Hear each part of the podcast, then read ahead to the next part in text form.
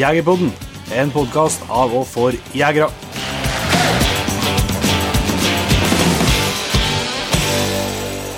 Hjertelig velkommen til en ny episode av Jegerpodden. Jeg heter Jon Petter Meldingen. Og jeg heter Jon Ingevik. Da er det fredag igjen, og vi er på'n eh, og klar til en ganske spennende episode. Vi har fått med en eh, par karer som har starta opp et selskap som vi har snakka en del om, en Inge som heter Ravnø. Ja. Så det blir litt, uh, blir litt utstyrsprat, men uh, i hovedsak så skal vi bli bedre kjent med en uh, Marek, som er basen der, og som uh, har en ganske spennende jakthistorie gjennom, opp gjennom oppveksten og livet. Så det kan jo kle dere til. Ja, det var jo ei innspilling som ble, ble, gjort på ei helt normal jegerbåndtid ja. på døgnet. Men, men dog så har vi kjørte vi litt intensiv med, med to, to intervjuer på én dag. Så jeg håper ikke at innspillinga bærer preg av det, da. Nei, jeg får ikke opp det. Vi var nå hjem, jeg var nå hjem halv seks. Så, ja, og det var jeg òg.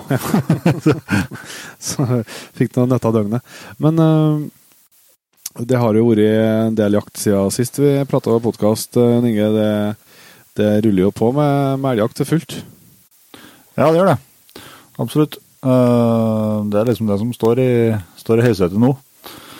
Uh, vi har jo et intern, internanotat det som står 'Kalven ikke ble skutt'. Ja, ja det, det, er noe av det rareste som jeg har opplevd på Ja, nei, det er kanskje ikke, men uh, på fredagen sist så var jeg oppe i, oppe i Vallevatnet og, og jakta elg igjen. Og så vi, tok vi båt inn igjen på et vann skulle Milda gå med Eko Eiko på ei side der, og så uh, skulle jeg gå opp med, med Tinka på en sida. Og så når uh, jeg begynte å nærme oss at vi var i enden der, så syns jeg så ut som Tinka væra litt elg, da.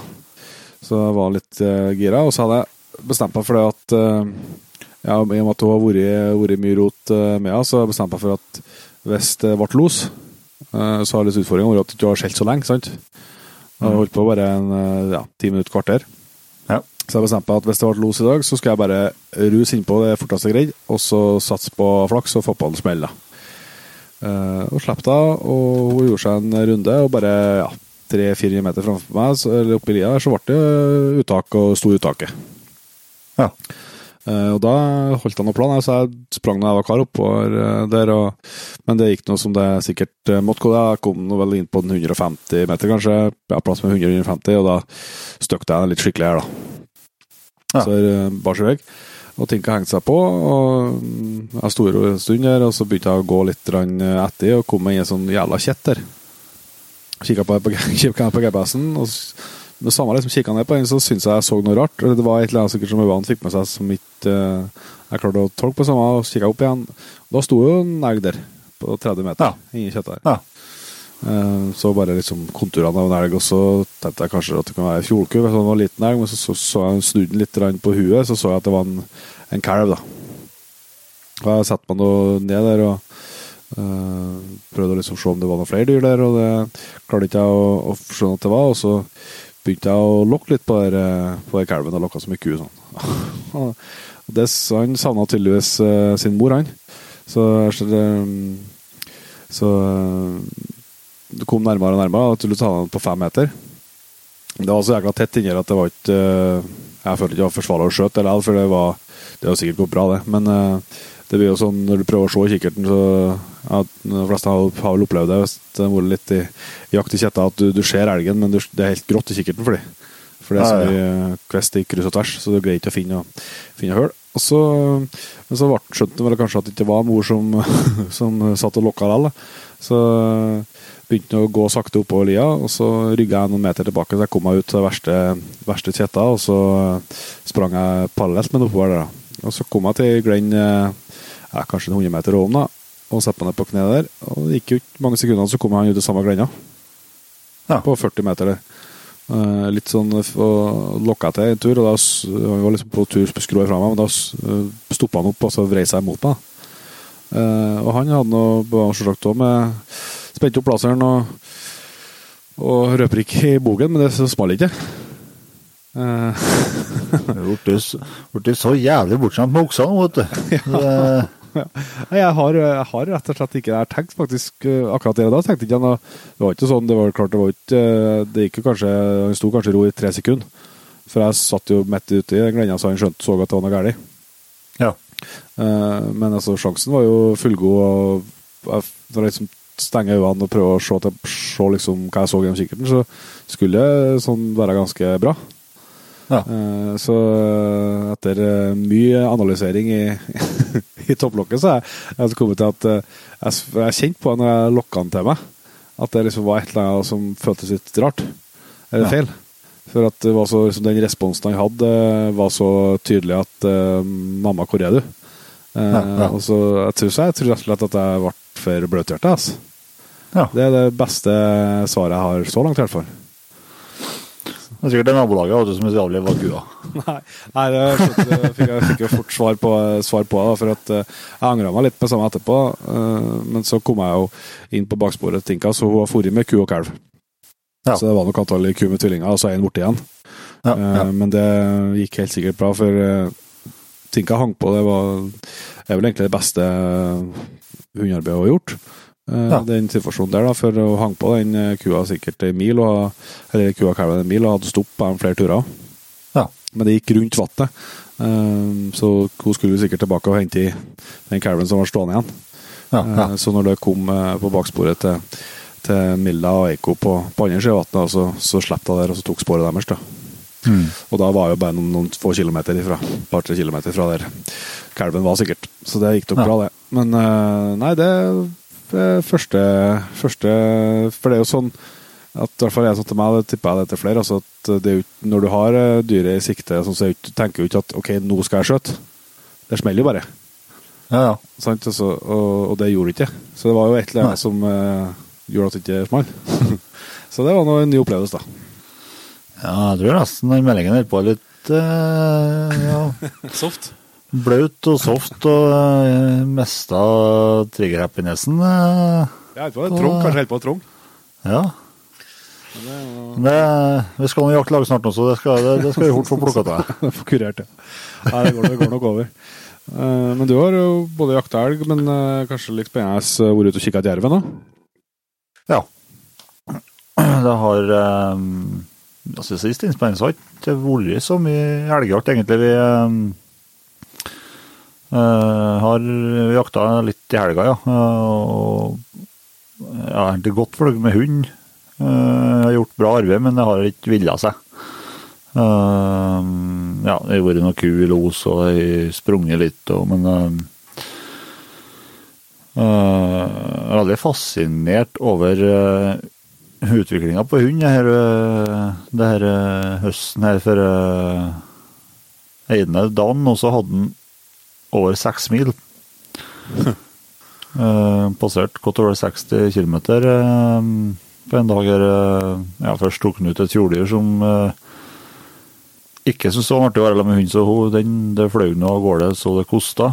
Og så gikk jeg slapp på et nytt område og tok ut tok ut ny elg som eh, som uh, for og eh, ja, gikk i gang med en liten okse. eh, som Farsan så den på bare 250 meter. eh, som kom gående i rolig ganglås, men jeg syns det var litt drøyt hold, da. Det var nå for så vidt det. var for så vidt det. Eh, det gikk til ganglås og dro til over fjellet og ned i neste dal. Der var det eh, eh, Ja, da gikk jeg rett og slett hjertepumpa ganske hardt. For der nedi går det eh, Det gikk liksom rett mot ja, et par gårdsbruk der. Der det går sikkert 300, ja, nærmere 400 sau på innmarka. Eh, så jeg ble ganske stressa. Kjenner litt på, ja. Ja, da kjenner jeg ikke litt på det. Jeg tror aldri jeg har vært ja, sprunget sammenhengende så langt i bløtmyr noen gang. Nei. Det kjentes i fotene på kvelden i hvert fall. Eh, Men eh, det takla han òg veldig bra. Eh, For det, som endte med det, det var at når jeg kommer over fjellet, så der var ikke noe dekning, så det gikk ikke noe trekkeropplegg. Og Garmin brukte òg jævla lang tid på å få henta inn signal. Og plutselig så har jeg rosen når jeg liksom kommer ned i skogen og ned mot elva ned i dalen på den sida til fjellet, så har jeg plutselig rosen rett på sida av meg. Og må jo da bare selvsagt stå i ro.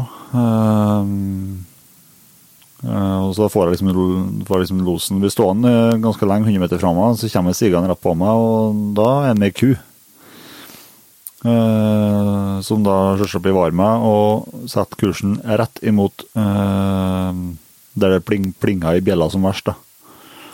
Men han uh, Nei, han jeg vet ikke, han måtte nå få med seg at jeg var sau der, men uh, han fortsatte med elgen og passerte uh, passert alt uten noen ting, og fortsatte etter elgen, og det endte opp i en stålos til slutt, da, innpå inn på vallet igjen. Uh, da var han farsan innpå på, på 50 meter og konkurrerte med at den kua var vært fjordku fjordku for veldig mange år siden.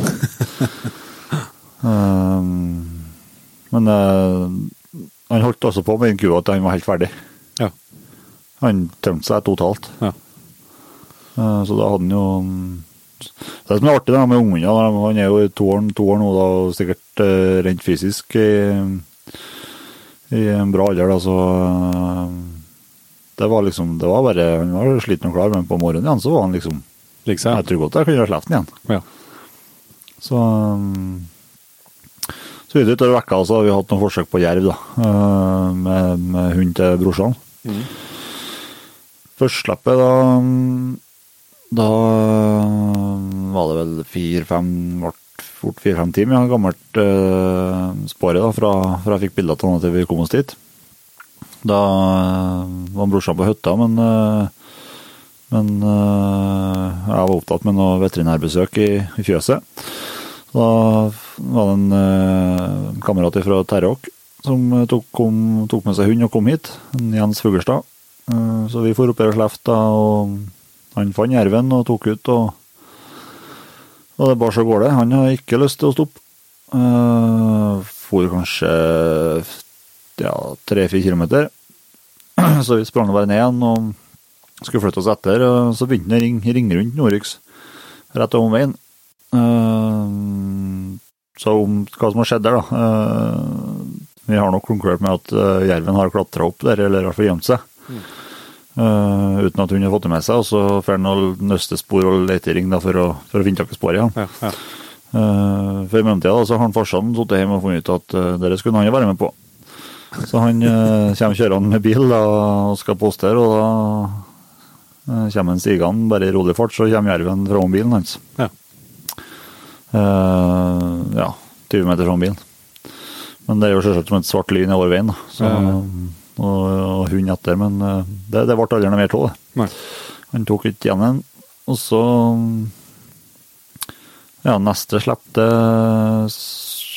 Nei, jeg så mye nå. Ja, det, ja, det endte opp uten ingenting. Og sist slappet Da tok han ut jerven, eh, bars rett over fjellet.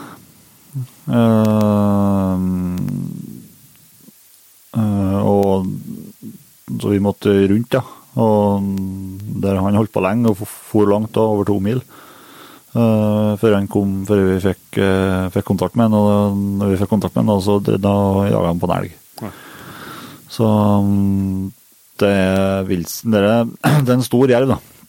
Jeg har begynt å fått uh, mengder med bilder av han, så jeg syns han ser dryg ut, stor, stor. Så um, han har nok lært seg en teknikk med å bare springe og springe og springe. Eh, Kan, så- så, dere, dere, dere, dere har trimma noen turer, kanskje? da?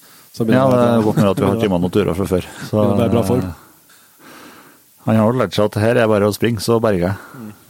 Og det har de nå. Det har de kapasitet til, og det er jervene. Ja, er så, mm. så jakta, jakta elg i dag, da, med, med solklassen. Eh, De kom oppover eh, opp til Danskane her i dag og, og var, med, var med her. Og da hadde jeg med eh, kamerat av oss som heter Martin Brakvassmo, og, og fruen hans. da. Eh, så da han kom kjørende i vallet, så så vi så han, han så eh, ku og kalv og okse. De sto, eh, sto på innmarka akkurat da vi kommer inn på vallet. Så eh, Men vi har liksom planlagt et drev, da. eh, I lag med elevene. og ja, Brukt litt WeHunt-app og line og poster forskjellig. Så vi, gjennom, vi begynte på med det drevet, og så skal han slippe, uh, slippe i nærheten av de der, der elgene. Uh, han Ja, det drevet ble langt og bratt, men det kom nå fram elg der òg. Men det var òg ku. Uh, hun, hun, til Martin, og det er broren til Brutus. Kullbroren. Så han fant elgene, og, og de Ja, uttaket ble egentlig rett overom krysset der vi, der vi treftes 20 mann i morges. Så de var jo veldig klare over at her var ikke en givende plass å stå.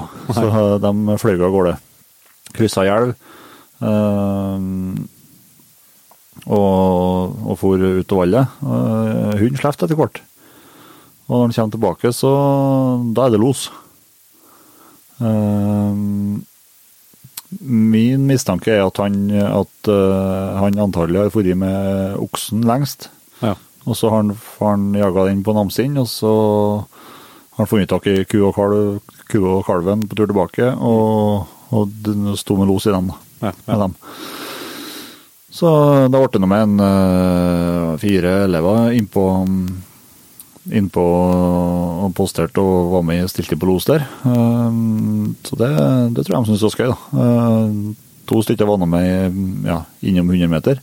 Mm.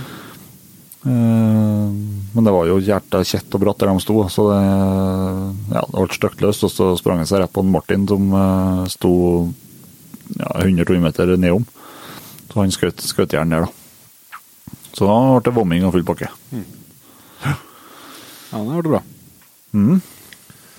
Og så er det jo hun godeste Tinka, da. Ja, ja dæven, nå er jeg jo Nå er jeg jo helt på Men til, først kommer du på, Jon Inge, at den siste episoden før elga starta, så ymta jeg fram på at jeg hadde noen storoksfølelse i kroppen. Ja, det kommer jeg på. Ja, det, jeg, kommer på at jeg flira litt da òg. Ja, men det skulle du ikke gjort. Det straffa seg. Det straffa seg.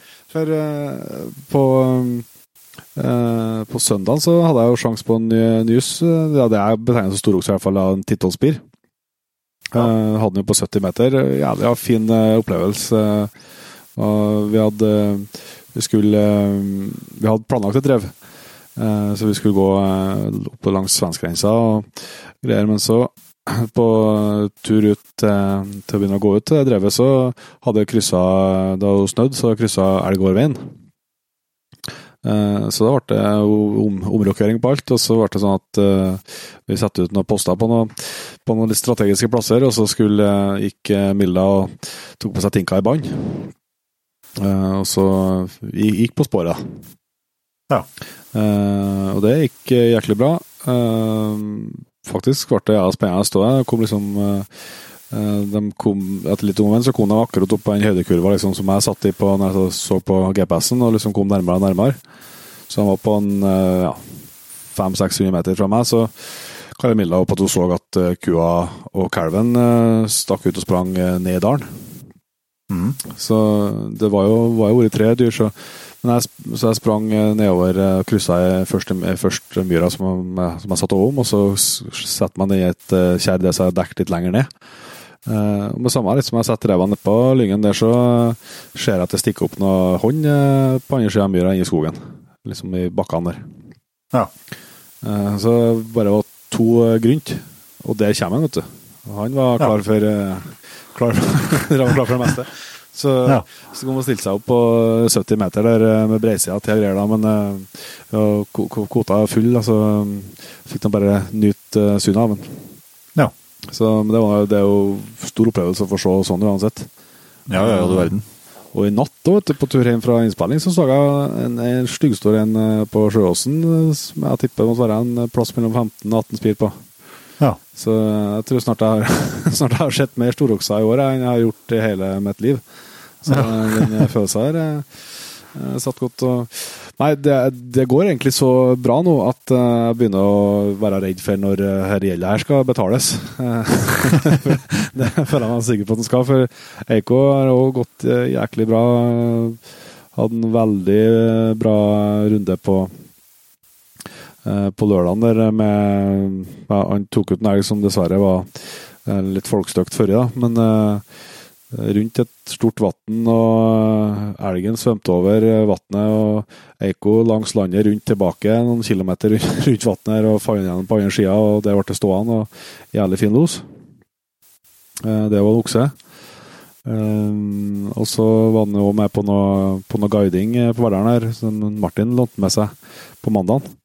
Uh, og det ble en jævla bra los, da. Uh, ja. De var litt uheldige med det var en jævla snurrvind, så de kom ikke innpå. Uh, men Så det har jaggu gått bra. Og så sjølsagt det, det, som er det virkelig store høydepunktet, med at vi fikk felt en, en elg fortinka. Ja. Det For dere som har hørt noen episoder utover høsten, her, så, så har det sittet langt inn. da For å si det sånn, det har vært ganske mye frustrasjon, det kan fortsatt eh, bli det. altså. Men uh, jaggu så fikk vi klinka ned en elg. Jeg fikk uh, være med en Alexander Holmstad. Vi har hatt med han på gjest i Jegerpoden i fjor høst. Ja. Det er Big Five på, på Røra. Han har jo et uh, terreng på Steinkjer uh, som Ja, jeg kan ikke jeg, jeg tror ikke det finnes noen plass i verden det er mer elg. det kan jo slett at det finnes, det, men, men uh, det er helt voldsomt med der. Så, så det, ja, jeg fikk lov til å komme dit, og, med, uh, og vi hadde med, en, med to Eller vi hadde tre poster i tillegg til, til jeg som gikk på hund. Altså med, med det dere alle hadde målet for øye at vi skulle få felt en elg for tikka. Så det var jo kjempeoppsett. Artig å se med samme da, for tross alt så har det ikke søket vært så tullete på. Men det er klart at alle slippene hun har hatt uh, uh, fra første slippet i år og fram til det slippet der, det har jo vært i områder som uh, i hvert fall i forhold til det området der, er elgtomt. Ja, ja. så når som slapp det, så, så bare, gikk, bare gikk rundt seg sjøl. Jeg tror Vera var der på alle kanter. Men så det ble ikke noe sånn skolebokeksempel av i hvert fall jakta under ett. Det første som skjedde, var at hun sprang ned i skogen og Uh, tok ut et uh, dyr. Da skjelte jeg bare to-tre skall, og så hørte jeg rasa i vei inn her. I haugen der. Og Da kom jeg post, passert en post der, jeg så en, en liten fjordokse som sprang. og Tinka kom etter, etter sporet, men ikke noe, noe stor fart, så bare sprang etter sporet. og ja, passerte han, og så plussa han litt på og greide å prøve å få til det. For det var ikke fjoråret skulle vi egentlig ikke ha. Så litt etter så kom jeg tilbake. Og inni baksporet og inni samme plassen, egentlig. Og der ble det et nytt uttak. Jeg tror ikke det kunne være mer enn eh, Så vi mulig å visste om de elgene når hun for etter fjordoksen. For det kunne ikke være ja. mer enn eh, ja, 20-30 meter, kanskje, mellom dem. Og da var det, det passerte noe, kom noe på sånn posten, eh, så da var det to, to kyr. Mm. Og da, det var sto faktisk uttak litt en stund, kanskje et minutt eller to. og Eh, det ble stopp et par turer til. Eh, men da også, ja, etter litt om og men, så slapp han den der. Mm, så da kjente jeg noe på en gryende frustrasjon, da, for å si mildt. Ja. jeg mente jo at det skulle gått an å være med litt mer, men, men da kom jeg tilbake, og da, da så jeg liksom på at hun da holdt det på, og det koka ganske bra i skallen, da. Ja. Eh, så jeg fikk, fikk tak i det og fikk kobla, og så, gikk jeg litt derifra og satte meg ned lamja og ja, la opp i fanget og strøk og roa ned hele greien. Så, ja. så kom til, kom til hektene igjen. Og mens jeg drev med det, så han så han posten som har sett andre elgene. Han eh, mente han så eh, noe som kanskje kunne være ei, en enslig kalv. Ja. Eller en veldig lita fjordku. Så han forklarte meg hvor hvor den sto, og gikk ned, gikk ned, et felt der. da, Så at jeg, jeg skulle gå og prøve på den her. da. Så jeg hadde fortsatt tinka i bånd og liksom smøg meg mot der, den plassen der. Stilte som jeg klarte, og så så jeg henne når vi begynte å nærme oss, at hun var oppe på Vera. Det er helt tydelig. da. Så hun satte seg og tok til båndet og slapp, og så bare fulgte jeg etter henne ut av skogen der og ute i feltet. Uh, og så rett over feltet på andre sida så begynner hun å skjelle. Uh, og Så flytter jeg seg 50 meter imot meg, og så da gjør jeg en jævlig fin runde og kommer framom, fram elgen og, og blir stående og og skjelle fint der. Og, da ser jeg liksom eh, Da har ikke jeg bogen, eh, eller jeg ser bare liksom bakfotene egentlig på elgen, for den sto bak noen teller. Så jeg tenkte at nå blir jeg jo her, på denne felt. Men uh, sjølsagt så skled jeg fram ei to meter Nessie når jeg tok noen steg fram der. Ja. Så det føltes litt sånn som det skal være, skal jeg si. Men det fortsetter uh, fortsetter nå i ganglos uh, oppe mot den samme posten som har sett uh, alle elgene. Eh, så jeg kalte opp og sa at det var på tur opp mot han og gammelku. ku men eh, på et magisk eh, vis da, så sto jeg jo en eh, ganske fin okse der òg, som, ikke som kobla seg på losen, eller som ble med i lag med kua. Ja. Eh, og eh, så ble det faktisk eh, stopp og, og full stålos eh, ja, 30-40 meter fra båsen hans. Eh, ute i feltet her, så det fikk jo, fikk jo stå og se litt eh, der. Og han skjøt oksen, og den ramla. Og, og plutselig så har vi jaggu skutt elg. Så det er klart at eh, det er jo ikke noe sånn eh, som en kanskje ser for seg at eieren skal stå lenge og skal kjempe... Men eh, om det har noe betydning eller ikke, det vet jo ikke jeg. Men uh, vi fikk noe Målet var å felte en elg eh, i los, og det, det ble det nå. Selv om ikke kanskje fra uttaket til det small, eh, så gikk det kanskje ja, ikke, ti minutter, kvarter, kanskje. Ja. Så det var ikke noe langvarige greier. Men, uh, men vi får nå se om det Hun fikk noe ragg litt på elgen og var særs fornøyd med tingenes tilstand, virka jeg som. Så, og det var selvsagt jeg òg helt oppi. Og Per Erik som skjøt, er jo en- vant, tunnkar sjøl, så jeg hørte liksom eh, langt ned i lia her at han jubla og rosa hund og, og full pakke. Så det tror jeg ble, eh, ble kjempebra. ja. Ja, men det er flott. Så det Du, det du, har, du kan jo bare slutte å jakte resten av høsten, for du har jo allerede nådd dine krav. Yes, og, og vær så det, egentlig. Så, nei, det så blir jo jæklig spennende. Det er klart at du er ikke sånn skruve ned forventningene og ting nå til neste slipp. Så det er klart at det Neida. er viss fallhøgd er jo her. så, men eh, nei, det blir jæklig artig, altså. Utrolig. Og det er jo helt sånn eh, tilbake til storoksfølelsen. Nå har jeg vært med bare på fire elgfall i år. Eh, Og det er jo egentlig ikke så mange med tanke på hvor mange dager jeg jakta, men det er faktisk 50 spir, da. Så Ja. eh, det- jeg lurer på om jeg skal begynne å tippe lotto eller noe, eh, for nå kommer jeg meg litt sånn halvsynsk, ja. så nei, nå går det veldig bra, så jeg gleder meg til helga og, ny, og mer jakt. Ja. Men eh, vi skal ikke eh, dryge her så lenge før vi setter over til en eh, Marek, men vi har jo to eh, særdeles trivelige poster som vi skal gjennom først. Ene er vi skal takke eh, nye Patrions, så etterpå så skal vi rett og slett eh, trekke vinnerne. Vi har hatt en konkurranse gående nå blant dem som er Patrions, vi skal trekke ut to stykker som får være med på ei helg med eh, her. Og det skal vi slå til etterpå, men først skal vi nødt på å takke de nye som har kommet inn den siste vekka.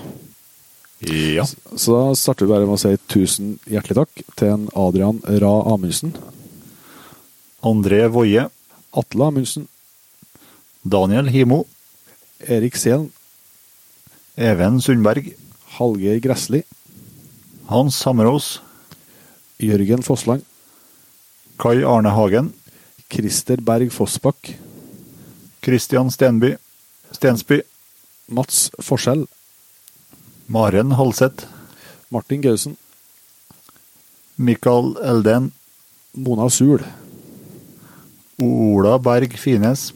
Ole Henrik Stokke, Ja, nå blir det mye Ole her. Ole, Ole Ingolf Saga, Ole Johan Mikkelsen, Ole Løabakkan, Peder Galguften, Per Kristian Rustad, Reidar Horgøyen, Revejeger, Roy Marius Kristoffersen, eh, Siver Knopp, Stian Presskåren, Stig Morten Velve Thomas Nygaard Sand eh, Vaino, Tina Mari Kvitne, Tom Christian Håpnes, Torgeir Slettvold, V. Vegard Nyborg. Øystein Malmdal. Og Erik Landsem. Så tusen hjertelig takk til dere. Det er altså det siste som eh, ble med på den eh, trekkinga på den konkurransen her. Det kommer nok helt sikkert flere, så hvis du har lyst til å bli P3-en, så er det ikke noe grunn til å slutte med det nå. Men da skal vi rett og slett eh, trekke to heldige vinnere. Skal vi se. Jeg skal bare få opp telefonen her, for det må jo selvsagt filmes samtidig. Multimedialt, selvsagt. Jeg er så glad at det er du som tar til deg det der akkurat nå. Ja, det forstår jeg. Eh, Nå skal du koble til et headset, du, sa du. Ja, det var det. ja. Det skal vi jaggu få til. Skal vi gjøre sånn, og så skal vi begynne å filme.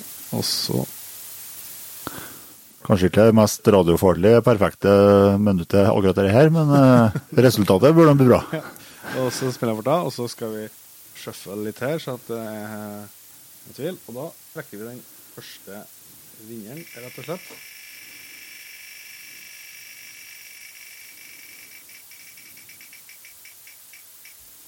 Det ble Robert Langfjord. Robert Langfjord, gratulerer så mye. Du er første vinneren. Vi tar kontakt, Yes. og så trykker vi igjen.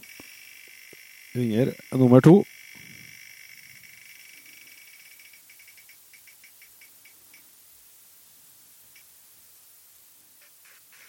Marius Eliassen Vatn. Ja. Hjertelig gratulerer, kan jeg si. Og så håper jeg at dere får til å bli med. Skulle det være sånn at eh, en eller begge ikke får det til, så uh, kommer vi til å trekke eh, på samme måten på nytt helt til vi finner altså. Noen som har lyst. Ja. Så eh, gratulerer så mye. Eh, har du lyst til å bli Patron, så finn informasjon om det på jegerpoden.no. Mm.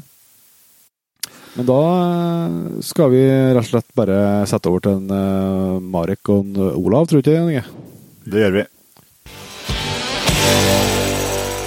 Da har du gleden av å ønske Marek Grande hjertelig velkommen til Jegerpodden. Jo, hei, takk. Du må snakke høyere. ja. Jo, det var jo, det er kjempehyggelig. Takk. Skremt, ja. Du setter jo et eh, fantastisk eh, opptakslokale. Hvor er vi igjen, eh, Marek? Eh, Vi er på Sjøland eh, gård. Eh, Heimen til Olav Lian her på Overhalla. Eh, Så ja, eh, Olav gammel venn. Så sitter vi på stabburet, Kose oss. Kose oss midt på natta. Ja, ja. Det, Halv, halv, halv ett, halv to. det er perfekt tid å spille en podkast. vi skal snakke litt uh, Vi vet jo at du har mye jakt i kroppen, Marek, og har jakta mye rundt omkring, så det skal vi høre mer om. Og så skal vi jo har du jo vært med og starta Ravne de siste årene, så det skal vi òg inn på etter hvert. her. Men uh, først så må du fortelle litt om deg sjøl. Uh, ja. Uh, kort fortalt, Marek eh, vokste opp i Afrika. Eh, far som var lege i Afrika, så hadde jeg i hvert fall første 16-17 år av livet mitt der. Ja.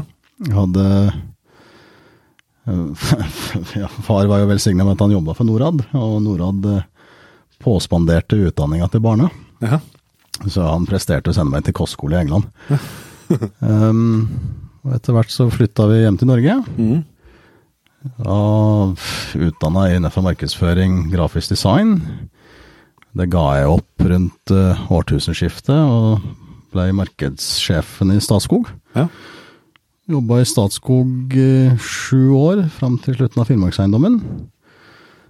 Eh, etter det så litt reklame, og etter hvert Ravne. Mhm. Men eh, så det vil si at du, du starta jaktkarrieren i, i Afrika, eller? Uh, ja, altså første jaktturene jeg hadde var sammen med far. Ja. Uh, så det er faktisk så langt tilbake som 1979. Mhm. I en alder av åtte. Ja. Um, og debuterte nokså brutalt. Det var 1979 var starten av det som leda opp til eh, Live Aid i 1985. Så det var starten av egentlig store tørkeperioden i Afrika. Ja. Um, og jeg var med far på en runde på sånn klinikkrunde som lege. Eller han, han var på en klinikkrunde. Og vi kom til ei lita landsby, og der sleit de faktisk med uh, ung løveflokk. Jaha. Um, og det som hadde løvene vært litt eldre, så hadde de trukket nordover med, med viltet som hadde trukket eh, opp mot Okavango. Eh, nå snakker vi at vi er Nå er vi i Kalahari-ørkenen i Botswana. Og far ble jo spurt. eh, her er det utfordring. Løvene begynte å tatt geiter og, og begynte å hente vann fra brønnen til der kvinnfolkene fra landsbyen skulle hente vann. Så når de gikk ut eh, to-tre kilometer fra landsbyen på morgenen, så møtte de stadig på den løveflokken. Og da ble pappa spurt om ikke han kunne hjelpe, hjelpe dem. Eh, rett og slett færa ut på jakt. Og det var ikke noe jakt til fots, det var først og fremst med bil. Mm. Med to bushmenn som spora opp løvene, og da var jeg med på som min første opplevelse av hva, hva det var. Det var egentlig en avlivning. Men det var to-tre løver som måtte gå i vei, men de sparte eldste tispa. Um, og et eldre hannløve. De tok kun ungdyrene, for at, eh, så snart ungdyrene var tatt, så forsvant de to eldste og begynte å trekke nordover. Så det var, det var egentlig for å berge de to voksne dyr. Um, så det var der det starta. Den derre Oi, dette er fryktelig spennende. Ja, det er, det jeg, da føler jeg liksom du står litt tilbake. og har vært med liksom, første turene på elgjakt i Namdalen. eh, når man starter med løvejakt. eh. Ja, men i, i hodet på en åtteåring, så, Ja. så ikke sant? Du har ikke noe sånn Ingenting å sammenligne Nei. noen ting med. Det var sånn, Dette var jo høyst normalt. Um, igjen, Afrika, uh, slutten av 70-tallet, i 1979, er noe helt annet, og var noe helt annet enn enn det er i dag. Ja. Um, men det var der på sett og vis at jeg først ble introdusert til ideen at uh, du kunne ha ei børse og så stikke ut i bushen og så se på ting.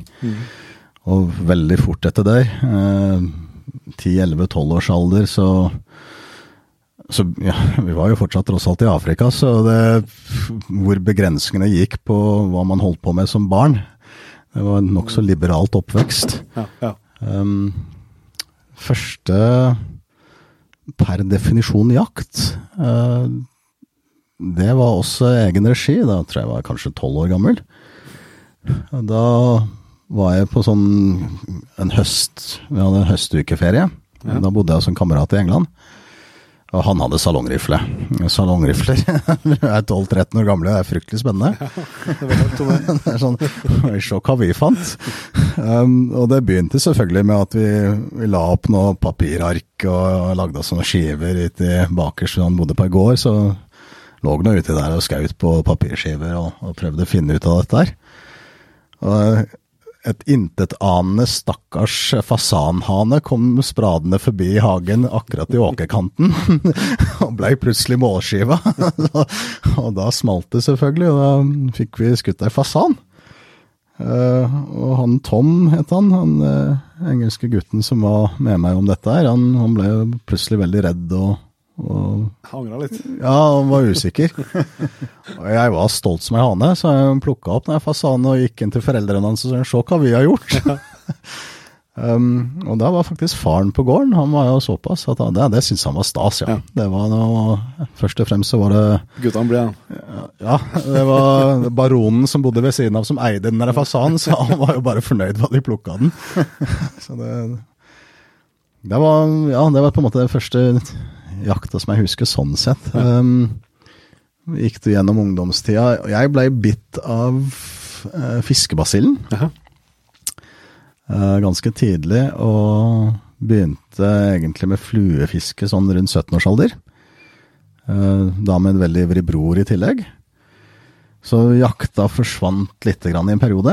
Um, og vi var fryktelig hissige på å reise rundt og, eh, og, og fiske med, med fluer. Eh, så da hadde vi allerede selvfølgelig flytta til Norge. Vi reiste til Island med studiepengene våre i en alder av 18. eh, kom dit og desinfiserte fiskestengene og oppdaga at vi var blakk. Og hadde fortsatt tre uker igjen. Og det første vi gjorde, var å finne telefonnummeret til den norske ambassaden i tilfelle vi trengte hjelp for å komme hjem. um, vi, hadde, ja, vi hadde gode turer.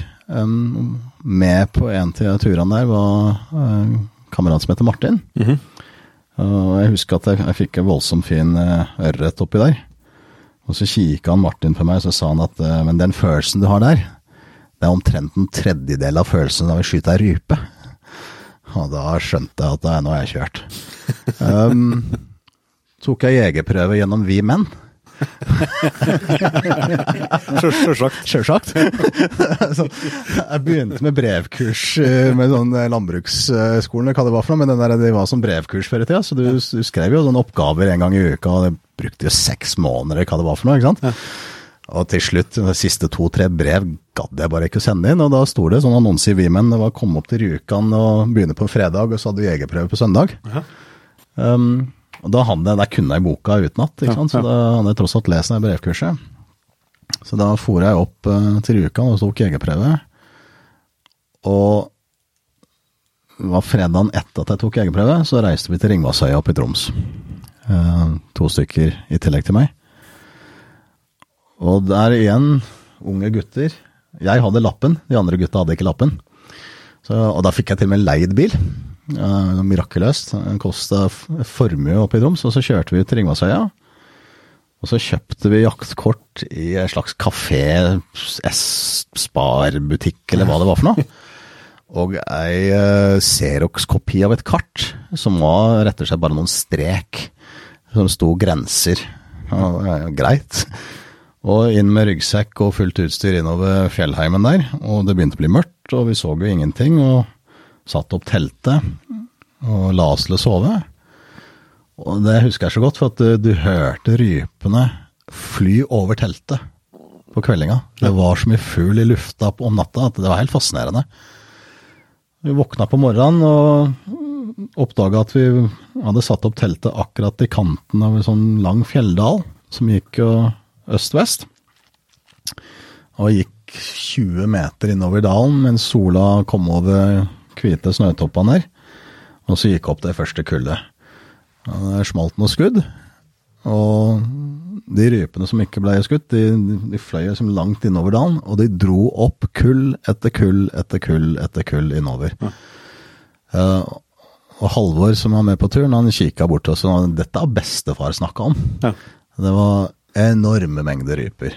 Um, dette er lenge, lenge før kvoter og, og begrensninger og fangstbegrensninger, men det, det fant vi ut at vi, vi, må jo bære ut det vi skyter. Så vi, så vi satte sånn fangstbegrensning ti ryper per mann per dag. Ja. Um, og vi var ferdig stort sett før lunsj hver dag. Ja. Ja. Altså, det var støkkjakt, dette her. var uten hund. Mm. Det er helt fantastisk tur. Um, det morsomme er at uh, mange mange herrens år etterpå så begynner jeg å jobbe i Statskog. Kom i kontakt med noen folk og fortalte en historien om det terrenget og hvordan det dalet så, så ut. Mm.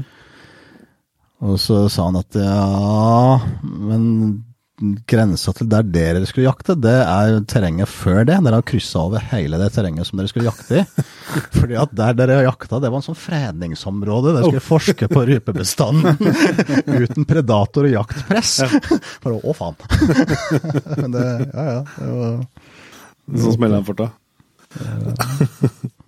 Men da, så da var liksom jakt eh, Da ble det jakt for å liksom fiske litt lagt bort, eller liksom ble det Ja, det Uh, fisket ble ikke lagt helt bort, uh, men det, uh, den jaktbasillen kom ganske kjapt på. Ja, ja. Uh, tusla vi gjennom starten av 90-tallet, så Ja, det, det, det um, det er et eller annet med å se byttet ditt før du, før du skal ta den. der, jeg følte at sånne ja, altså, jeg, jeg, er fortsatt fluefisker i dag, mm. men det, vektskåla gikk andre veien. Ja. Mm. Um, da skilte jeg litt grann lag med broderen sånn sett. Broderen han begynte Han holdt på med fiske fram til for et par-tre år siden. Han kjøpte sin første børse, og jeg la bort fluestengene. Å herregud, det er nå i hvert fall 20 år siden. Så, og her har jeg en veldig god kompis som har et fantastisk elvestrekning i Bjøra her. Mm. Og jeg kan fiske laks når som helst. Og hvor mange ganger har jeg fiska laks? Lik null. det, det, er, det, er, folk som reiser fra Finland for ett døgns fiske her, ikke sant. Eh. Det, ja. Men hva, hva, hvordan ser liksom jaktåret ut nå? Uh, helt horribelt, egentlig. Uh, det er blitt bare verre og verre. Ja. Um, nesten en slags angst for å bli for gammelt og ikke få med seg absolutt alt. Så, og i år, var, i år har jeg hatt fem turer til utlandet. Mm. De siste tolv måneder. um, og en del turer hjemme. Er utenlandsjakta? Det er- så jeg begynte i Sverige eh, Når var det? Det var i februar. eh, På noe villsvinjakt. Den Første turen min noensinne faktisk i Sverige på grisejakt. Uh, Ikke helt den jaktformen som jeg trives aller best med. Det var jo stort sett postering om natta på en fôrplass. Um, jeg ser fascinasjonen med det, men det er jo det um, Føler litt grann at jeg har sittet mange nok timer i et tårn, så det vil helst gjøre noe annet. Um, så var det en tur til Spania i mars. Uh, Ibex. Og det må jeg ærlig innrømme ga mersmak. Det, hvis vi skal på sydentur, så Vær på jakt, ja. det, det, det, det var um, spennende jaktform. Veldig, veldig artig skapning å jakte på. Em, det er mye av det, så det, det er litt sånn misvisende. Du tror at ja, dette kan bli litt enkelt. Det er ikke det. En geiten er jo, de er jo utrolig vare og veldig sånn forsiktige dyr. Um, hvis jeg skal utsette noe på det, så var det kanskje litt mye kjøring mellom de ulike terrengene. Men uh, det var spennende. Det var spot and stalk. Du, du sitter og du speider og du prøver å finne det ene dyret som er gammelt nok til å bli tatt ut. Um, og så har du relativt åpen lende som du skal over. Og du skal komme inn på, på skuddhold. Og i, i fjellene der så er det er 200 meter.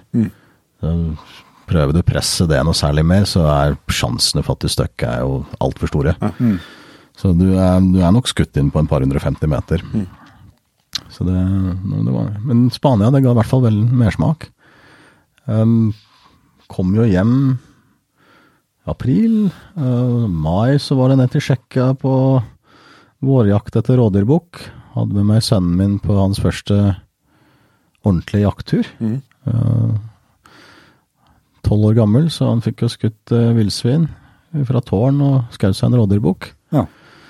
Det var å gjenoppleve sin egen barndom på nytt. Den, den, bare se den gleden og den spenningsnivået som, som man får, ikke sant. Når man nesten glemt hvor spennende det kan være, ikke sant. Og han satt, eh, vi satt i tårn og venta på villsvin. Han hadde fått veldig sånn klar instruks på hvordan dette skulle skje. Han er jo fryktelig flink til å skyte. Han skyter en 230 på banen, så det er bedre enn faren sin. Um, og så merker jeg at han skjelver, og så spurte han men herregud, uh, frys du? Så kikka han på meg. Nei, men det, er- det er spennende. Det er fryktelig spennende. Det var sånn det var før. Så det var veldig artig. Og mm, tok opp børsa når grisene kom, og jeg kikka litt på han før hun tok av sikringen, og helt rolig. Fullstendig iskald. Og børsepipa han rørte ikke på seg. Og da sa jeg greit, det er når du føler for det, så slipper du skuddet. Og han satte et hjerteskudd på, på grisen på en 40-50 meter. Ja. Um, vi bodde på et, et slags ja, bed and breakfast-plass, uh, hører til kameraten min, og han hadde svømmebasseng. Og da satt jeg og drakk øl med kameraten min, og så ser jeg at servitøren driver og går forbi hele tida til svømmebassengen med sånn brett med Sprite-flasker. Tre av gangen. Og gutten har fått lov til å drikke brus, liksom. så Tre av gangen, det var- litt spesielt. Og så gikk hun tilbake igjen, og så kom hun med tre flasker til, og så gikk hun tilbake, og så og kom med den, de neste tre, altså sju, åtte, ni. Nei, dette må jeg sjekke. Så gikk jeg bort til svømmebassenget og en slags hekk som var der, og så kikka jeg over hekken. Så står guttungen midt i svømmebassengen og driver tømmer spraytflasker på huet. Så spurte jeg hva er det du holder på med. Og så sa Nei, champagne. Jeg feirer. så, sånn, ja. Eh, så pur glede. Eh, Det er som å ha en jakthund til fjells. Det er bare positivt. Du, du ler og du er med på alt. Eh, Så, så jeg, har voldsomt stor glede om å se liksom guttungen bli sånn tatt av det der. der. Um, så ble det noen rådyr på meg òg. Kunne ikke være noe likere, jeg sjøl. da kom vi ut i juni-juli. Til august så var jeg nedover igjen. Og så var jeg, var jeg, var jeg et annet sted òg innimellom. Ja, nei, i august så var jeg ned eh, starten av dåhjortjakta og kronhjort og sikahjort.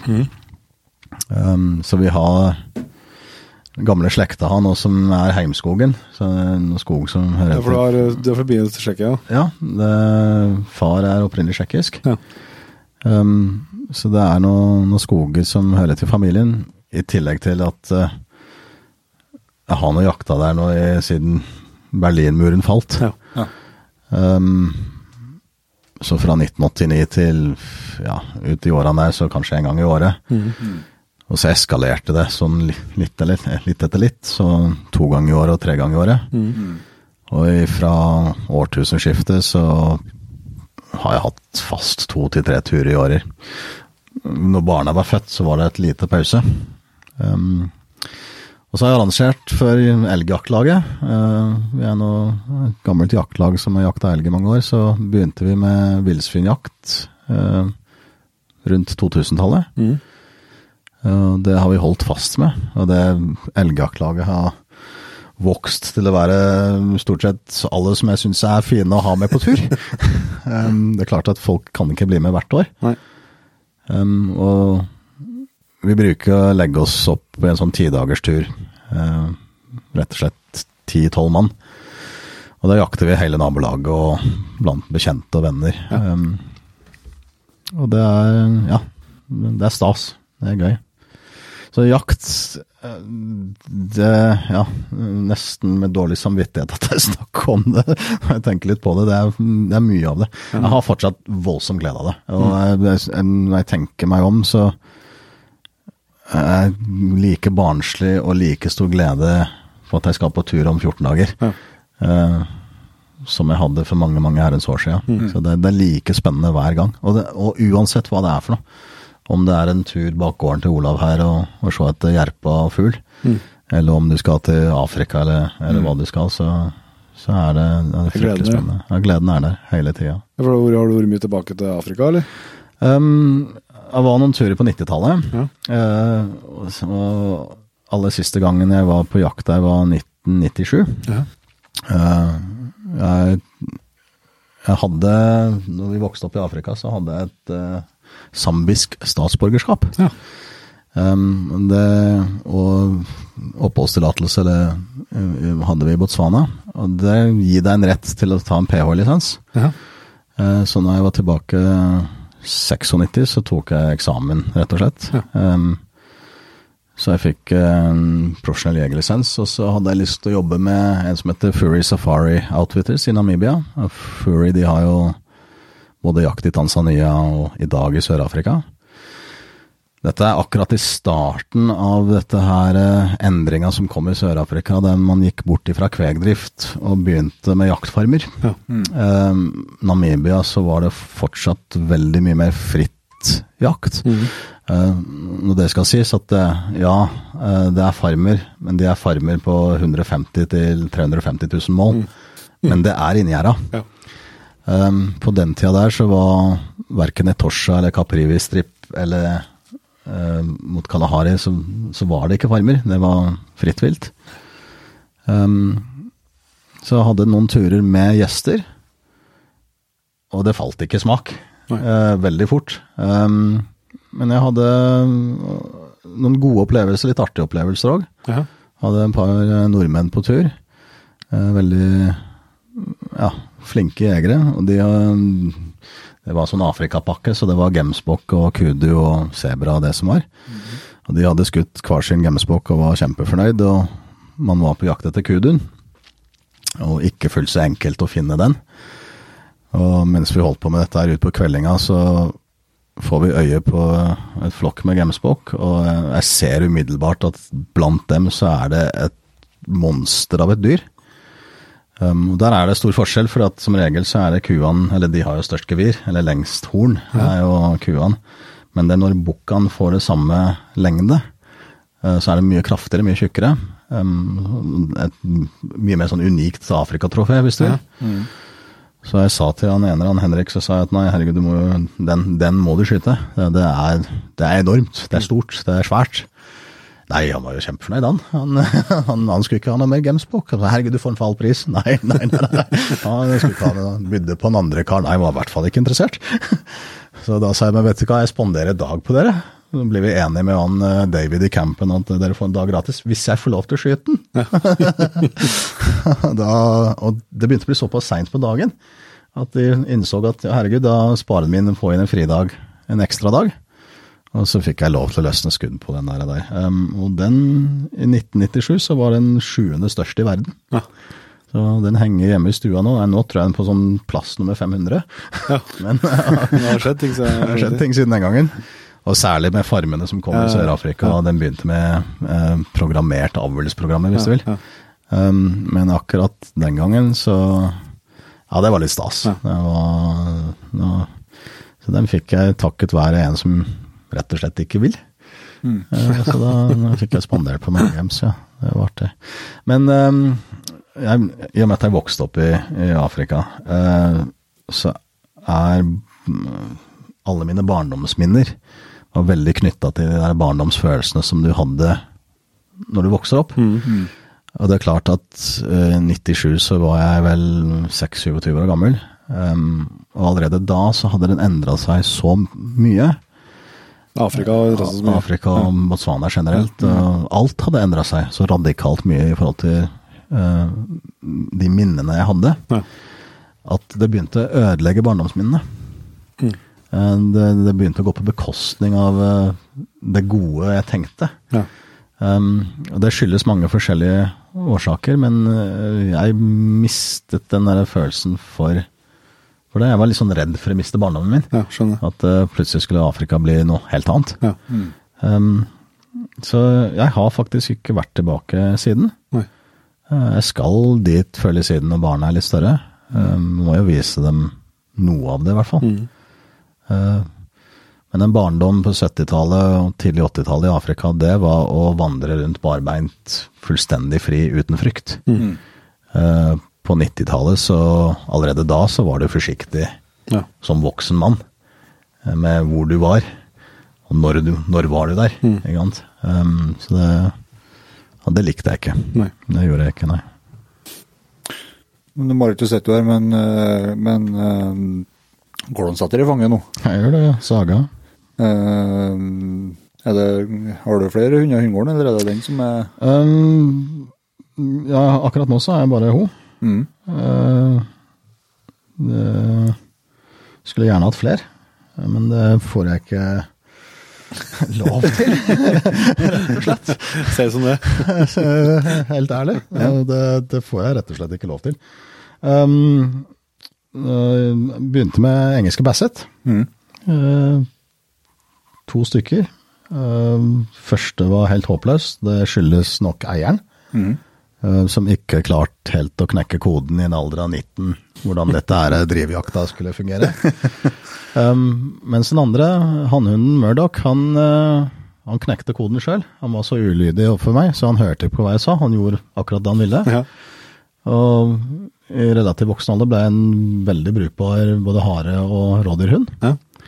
Um, men igjen, jaktet ikke nok til at du fikk virkelig liksom, på en måte utvikle den der bikkja.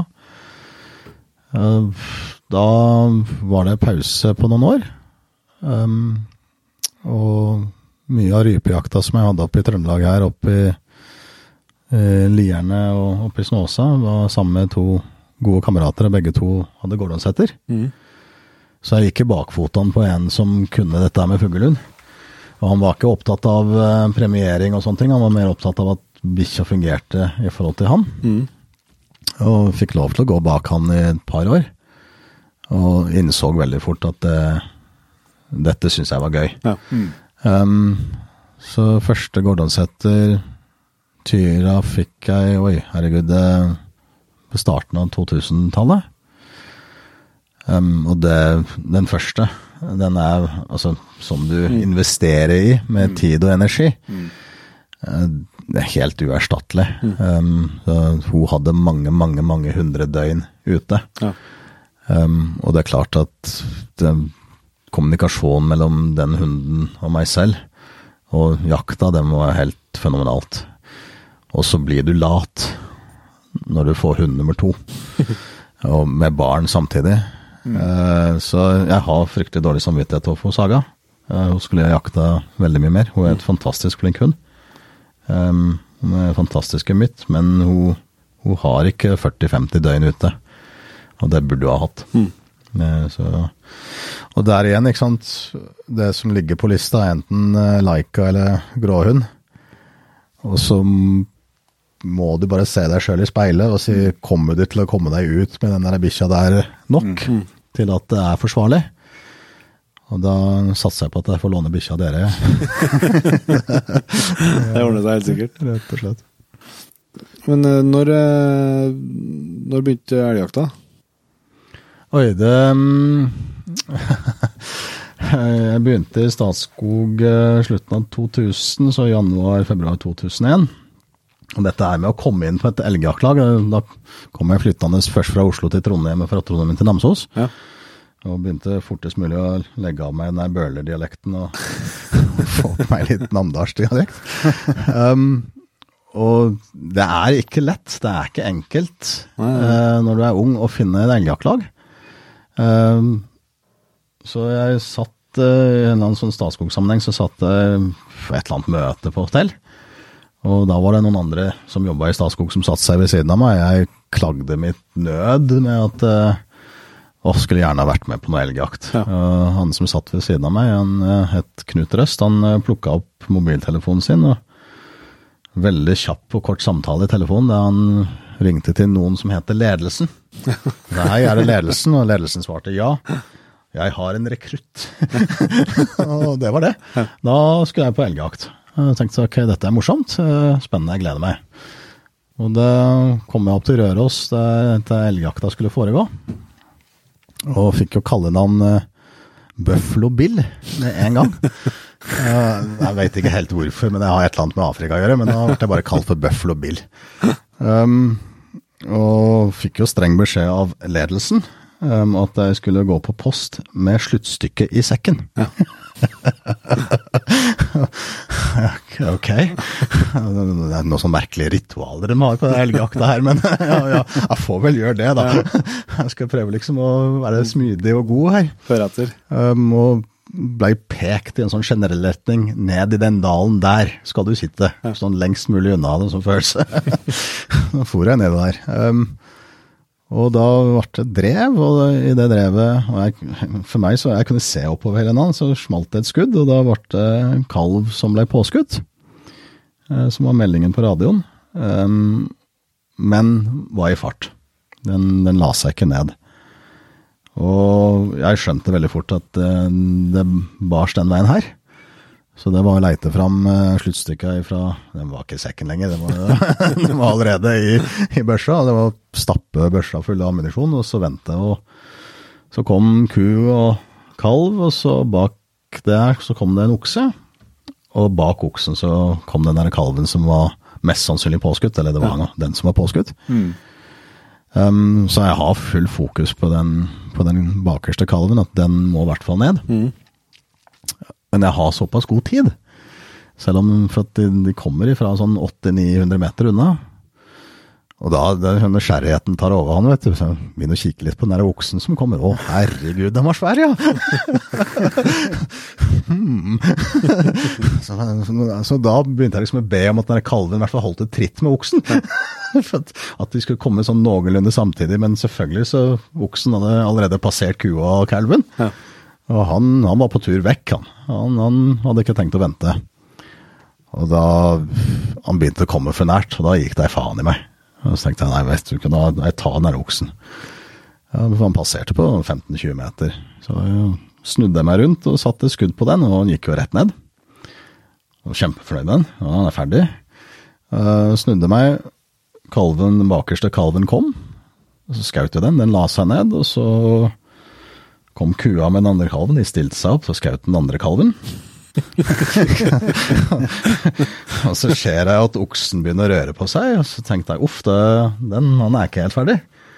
Så prøver jeg sikte høyt opp i nakken og bommer på 15-20 meter.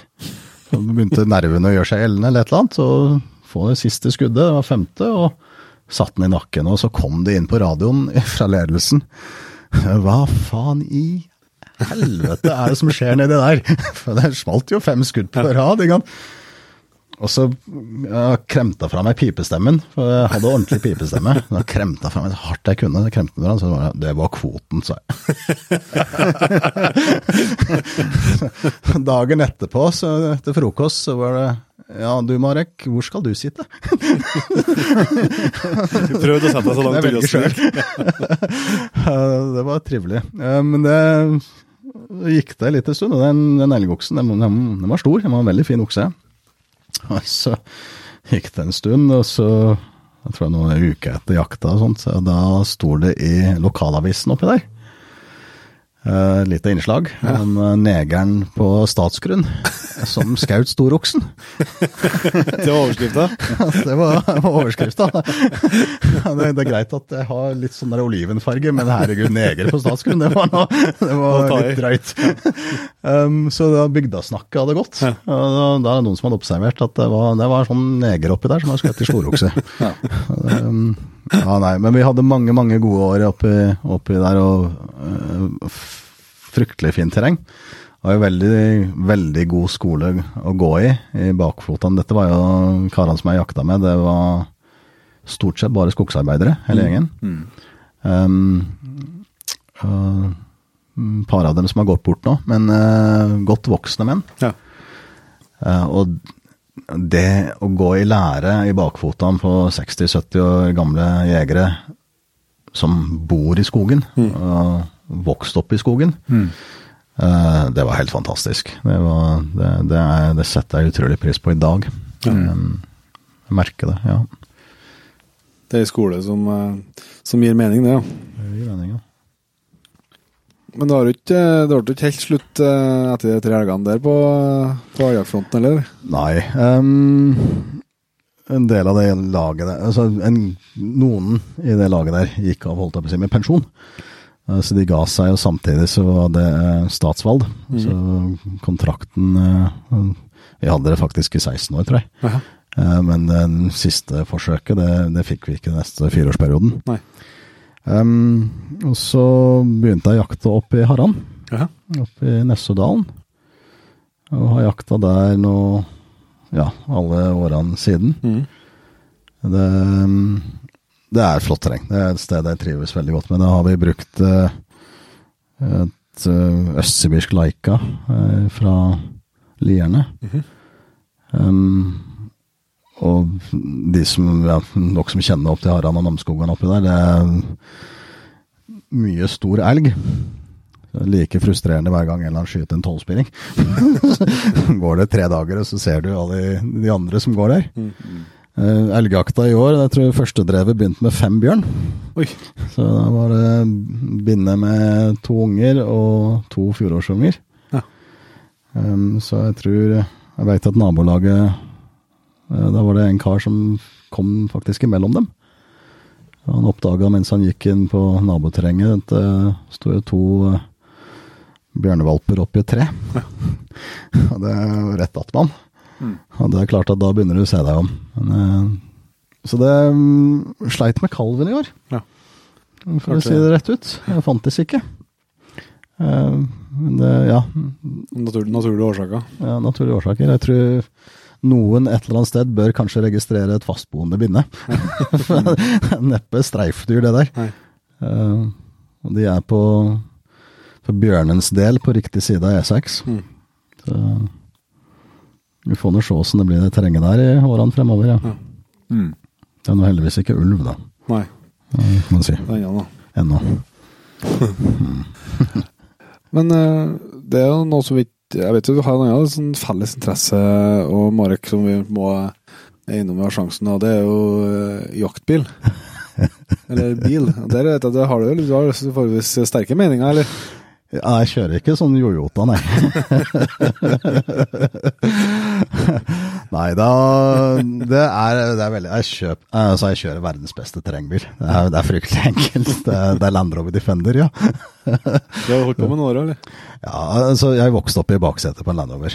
Um, og fattern i Afrika han hadde Land Rover gjennom jobben. Um, han kjøpte en Range Rover allerede tror jeg, første års utgave, sånn 1974, tror jeg var.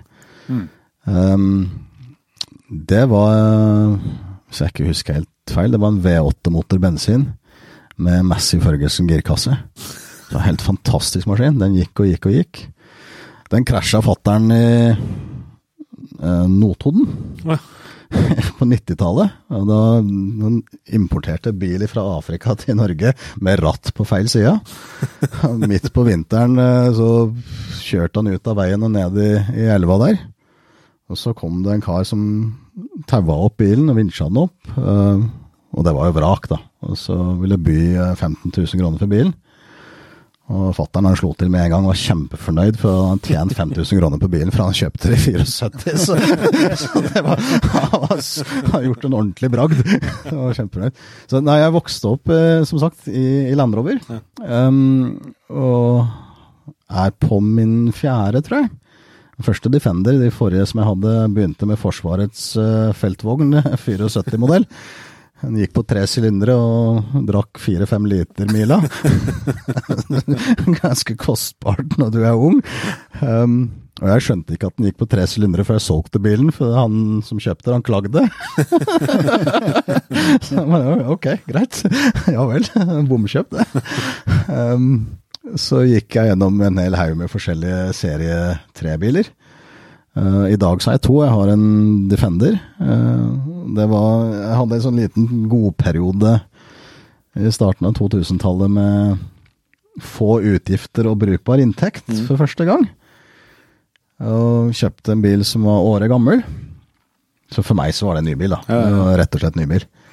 Um, og uh, har blitt en ganske dyktig Land Rover-mekaniker i løpet av de siste, av- av- av siste 20 år. så Det er det vi, det er det vi Toyotaerne aldri Slipp å tenke på det. dere kan ikke skifte olje engang, dere. Um, jeg har rett og slett ikke råd til å kjøpe den type Toyotaen som jeg hadde hatt lyst til å kjøpe hvis jeg skulle kjøpe en Toyota. Eh, Men jeg er forelska i bilen min. Um, Det, um, det er en traktor. Eh, Støynivået i en sånn bil, særlig med terrengdekk, er jo nesten umenneskelig, men du slipper å prate med kjerringa. Sorry, pus. Men, men, men du gjør det. Du slipper å snakke med noen. Um, du sitter opp etter veggen, så du henger jo halvveis ut av, av ruta på sida. Du har ikke noe airbag eller noen ting. Um, men det er en følelse av eventyr. Ja. Det, er, det er noe romantisk rart uh, greia jeg har med det der. der. Så, og så presterte jeg selvfølgelig å kjøpe 1959-modell uh, serie 2 Land Rover, som jeg er midt i å restaurere nå. Ja. Så den uh, Hvis alt går bra, så er jeg ferdig med den neste sommer. Så da, da er jeg to. Ja. Og standarden nå den samme sikkert fra Den 59-modellen? Ja. Eh, den, ja, det, var- du, det, det var et varp. Det der var et kjempekjøp. um, det er sannsynligvis en av de aller første landrovere som kom til Norge. Um, for den var førstegangsregistrert i 59. Eh, det er en 58-modell uh, bil. Eh, den, kjø- den var eid av Skandinaviske Godssentralen, AS, og gikk på Fornebu. Um, som en servicebil der. Og så ble det kjøpt opp av det som senere ble Viking. Og da gikk det som taubil. Og en sånn bergningsbil. Berga stort sett sånn jojotaer og sånt. um, og så strøk den på datidens tilsvarende periodisk kjøretøykontroll. Og så ble det kjøpt fra Viking av en kar, og parkert på ei låve i 1979. Ja. Um, og så var det en Amcar-entusiast som eh, drev og solgte det. Som hadde funnet det, rett og slett, og han skulle selge det. Han Kom ned dit og, og bytta ut en par deler. Og satte inn i batteri, og motoren starta. Ja. Helt fantastisk. Eh, bremsene og alt var jo kilt fast og råttent og alt som var. Eh, men motoren snudde med en gang. Um, så det var bare å slå til og kjøpe med en gang. Eh, og så brenne av uhorvelig mange tusen kroner etterpå med å prøve å få den tilbake på veien. Ja. Så nei, det er noe rare greier, det der Land Rover. Jeg tror hvis du først har den der sjukdommen, så har du den sjukdommen. Jeg tror det er litt det samme som blasereiere, er ikke det? det kan godt være. Det trenger ikke å koste på så mye. Jo, jeg vet ikke. Det er, det er noen Afrikaturer i en blaser, er ikke det? Så, skyter bedre med blaser enn med, med noe annet? Det vil jeg tro. Du tror det? Ja, ja det er bra, det. Ja, ja. Men så er det på, på jakta igjen. Altså, du, du har vært en del på, på den norske jakta, men du har jakta litt rein òg? Om jeg har jakta Rein?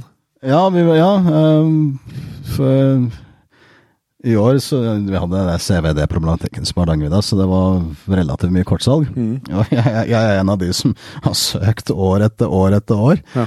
Um, og også fra før i Natur sin tid. Ja. Um, og omtrent aldri fått. Nei. Jo, nei, eh, nå ljuger jeg. Jeg fikk jo kort, kort i forelogna. Eh, ikke sant, så da du søker forelogna, så får du kort. Ja. Hei, fantastisk, ikke sant. Det var jeg simle. Ja, ok, greit. Så for jeg opp til forelogna den gangen, um, og satt meg oppi der, og selvfølgelig så ser du storboken med en gang, og, og det som er. Gikk og venta på simleflokken, og så kom det et helt enslig kalv. Og gikk og brekte og kauka borti dalen her. Og den holdt seg til i, rett nedenfor meg, noen hundre meter. Og til slutt så tenkte jeg jøss, den er jo helt aleine. Um, jeg må sannsynligvis bare ta den ut. Jeg den Jeg var ikke noen erfaren reinsjeger. Jeg er ikke vant til å se kalver som går aleine. Uh, for meg så var det mentalt fullstendig feil, så da fant jeg ut at jeg måtte ta den. Mm. Så jeg tusla ned og smøg meg inn på det og tenkte at jeg var på 100 meter og brente av, jeg var 30 meter unna. ikke sant? Sånn veldig merkelig sånn perspektiv. Um, og så er jeg inn på radioen selvfølgelig og prøver å kalle opp både oppsynet og andre jegere og det som er i nærheten, og prøver å få kontakt med noen. Og får ikke kontakt med noen. Og da klipper jeg kortet mitt. Da tenkte jeg det siste jeg gjør nå, er å bli tatt for eh, tjuvjakt av reinskalv, ikke sant. Så da må jeg klippe kortet mitt, men da drar jeg ned til bygda innafor fjellstyret der, og så leverer jeg både kalven og kort og ber om nytt. Og det var planen. Um, så for jeg ned til bygda, der var det selvfølgelig ingen. Uh, gikk jo og vandra der, og så var ikke mulig å få tak i noen, så da til slutt så kjørte jeg bare hjem. Og så litt sånn litt surt. En kostbar kalv. Mm. Um, så gikk det, reinsjakta var ferdig, og så fikk jeg pakke i posten. Med et utrolig fint forseggjort håndsmidd kniv.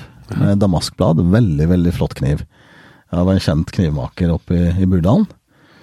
Og brev fra fjellstyret. Uh, og da sto det at eh, Takk for at du skjøt eh, Norges minste reinskalv i år. og, det, og, og her var det sånn liten gest for at jeg gjorde det. Ja. Så de revansjerte seg litt, grann, Ja, sånn ja. sett. Um, og så gikk det Hadde en reinsjakt uh, i Vestvidda, oppe i Ulvik Jeg tror det Ulvik statsmanning. Uh, månelandskap og steinur. Um, helt fascinerende at det er lov å selge reinsjakk der, for der er det ikke rein. så, det, så det var vandring oppi der i, i mørket. Um, og omsider så fikk vi kort midt inn på vidda, inn på Hardanger. Ja. Um, og da var det stor glede for at den kameraten av Olav, uh, som er med i Ravne, han kunne være med. Uh, så da leide vi sjøfly, rett og slett, og for innover. Og var midt i plommen av egget. Eh, Fra vi landa omtrent og satte opp leir og gikk noen hundre meter og begynte å se, så var det reinsdyr overalt. Um, så, og vinden var såpass at den snudde fra nord til sør hver annen dag. Så den drev og passerte oss hver dag. Um, og fikk uh, bukken. Uh, Kløftbukk. Uh, kjempefornøyd med det.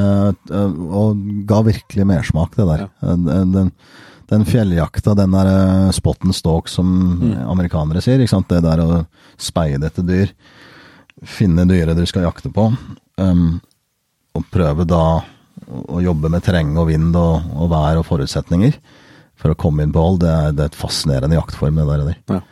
Det, det, jeg har hatt, noen fjelljakter. Jeg hadde en, en digresjon, da. Ja. Eh, med disse Tsjekkia-turene så har jeg hatt en god del nordmenn ned på eh, i Tsjekkia. Og der var det en blant annet som skrøt på seg voldsomt til bra laksefiske. Ja. Eh, og inviterte en, en tsjekker oppover til Norge. Og det, det, det siste du gjør når du er i Tsjekkia, er å invitere noen på besøk, for de kommer. det, er garantert. Banne faen, da, da kommer de, ja. Og han i sånn kanskje litt bedugget tilstand bare fant ut at nei, jeg kom og fisk laks. Og kom hit og og, og spurte seg hvor, hvor er du har laksefiske? Nei, det er utafor kysten av Otterøya. Drev med notfiske. Bare ok, jeg tror ikke det var det han sjekkeren så for seg. um, så kom han der sjekkeren oppover, og jeg tenkte ikke så mye på det. Og så var det en kamerat av meg som ringte fra Tsjekkia og sa at nå, han står på bensinstasjonen i, i Namsos og han sliter litt. Grann. Um, for at uh, hytta som han ble tilbudt og alt, det var, alt var bare feil. Ja. Um, og jeg følte et visst ansvar for dette her. Uh, Så jeg heiv meg rundt og plukka han opp på bensinstasjonen. Det viser seg han har tatt med seg kamerat og kona. Ok, uh, ja. Uh, hjem til meg først, og så eh, På den tiden her så hadde jeg en brukbar båt, så for vi ut på fjorden og fiska litt, og så måtte jeg prøve å løse dette her på en eller annen måte. Og, og, og akkurat da så dreiv jeg litt med reklame. Og så hadde jeg kunde lenger opp i elva her, oppe i Namsen, uh, som skyldte meg litt penger. Rett og slett. uh, ikke det store beløpet, uh, noen tusenlapper, men skyldte meg litt penger. Men han hadde ikke noen gjester. Men han hadde kokker og alt som var på, på campen som var ansatt. Så jeg ringte til han og sa hører jeg, jeg har en par stykker som kunne tenke seg å fiske. Og så sløyfer vi den der fakturaen som jeg sendte sist, og det var han kjempefornøyd med. For da, i hvert fall så var det folk oppå der. Ja. Mm. Um, og da, da slo det til, selvfølgelig. Da, da slo det til, for da dro de laks på laks på laks, og store laks òg. Um, de hadde to kokker på campen.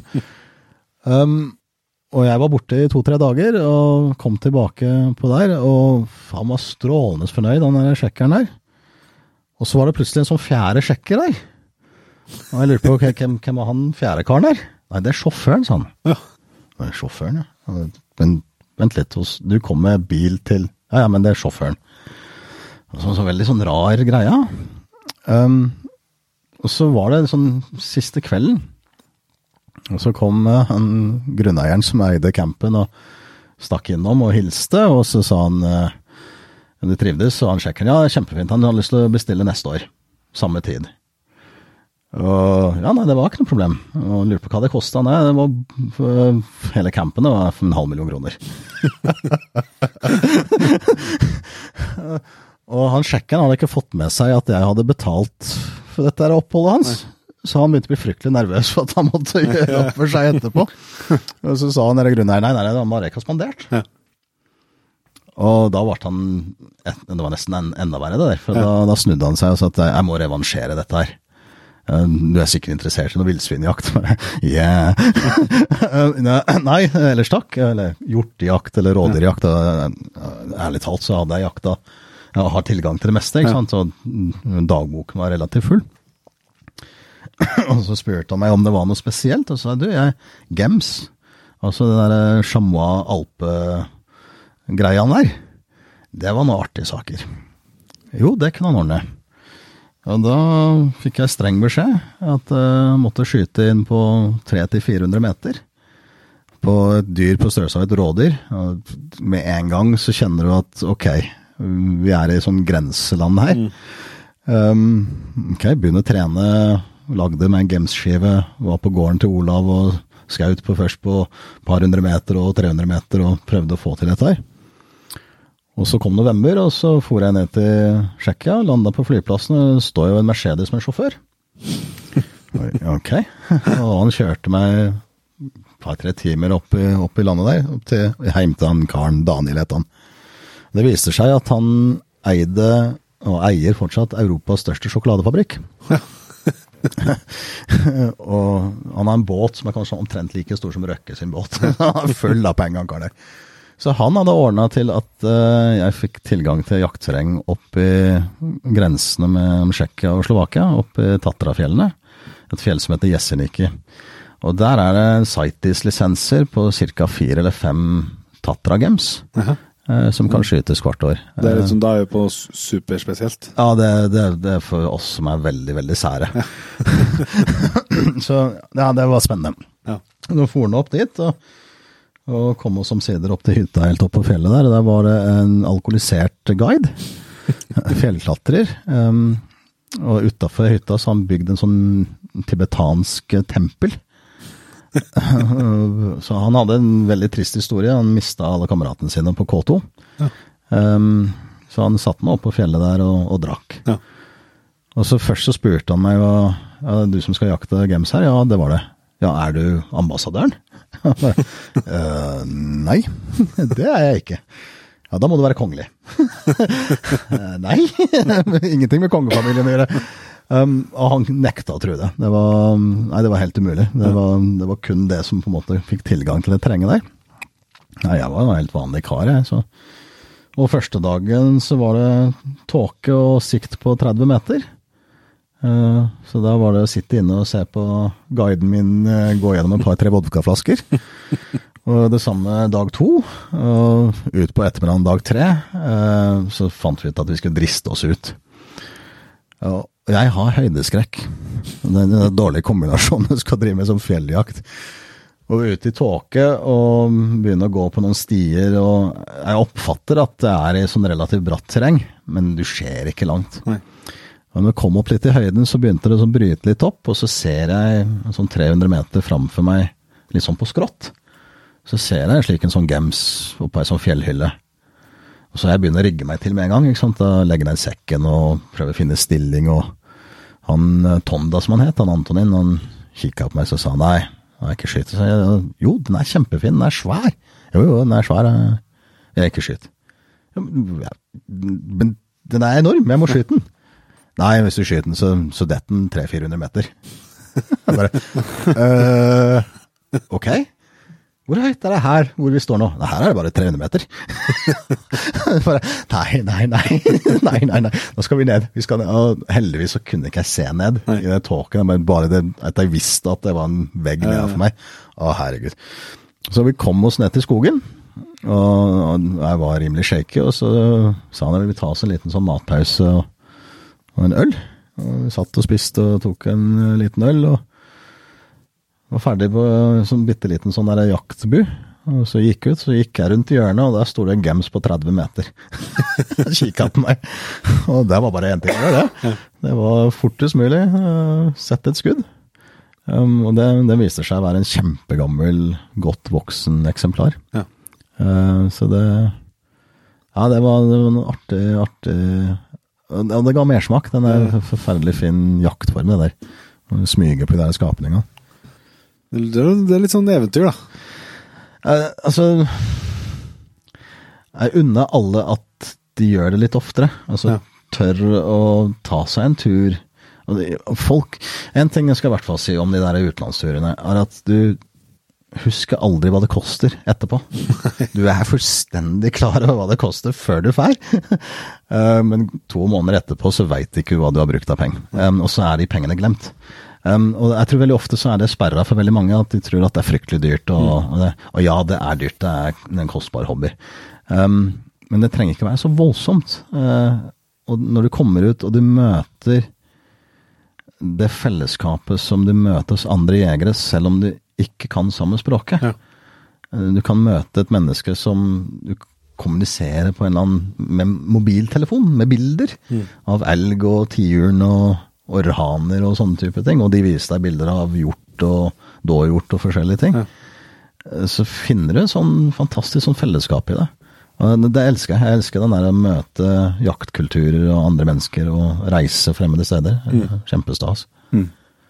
Og jeg syns alle burde gjøre det. Det, det, er, eh, det er, eventyr. Ja. Det trenger ikke å gå på bekostning av noe hjemme. Nei, bare en får planlagt det og får gjennomført det. Ja, Men det er alltid sånn jaktsesong et eller annet sted. Five o'clock somewhere.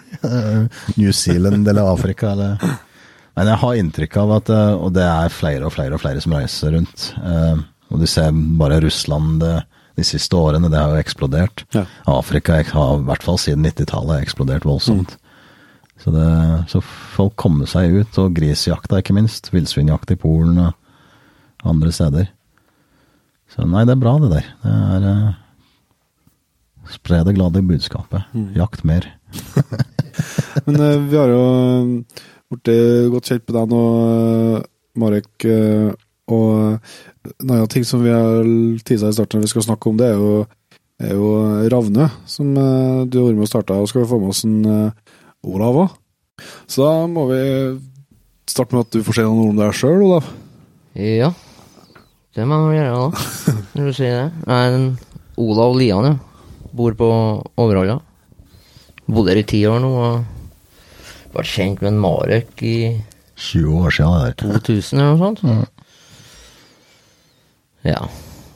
Og jeg var noe fiskegal, og han holdt nå vel og fiska mest ennå da, kanskje, jeg vet ikke. Jakta litt da. Ja. Så jeg ble kjent med han, og så Jeg drev og jakta og fiska nesten hele livet. Ja.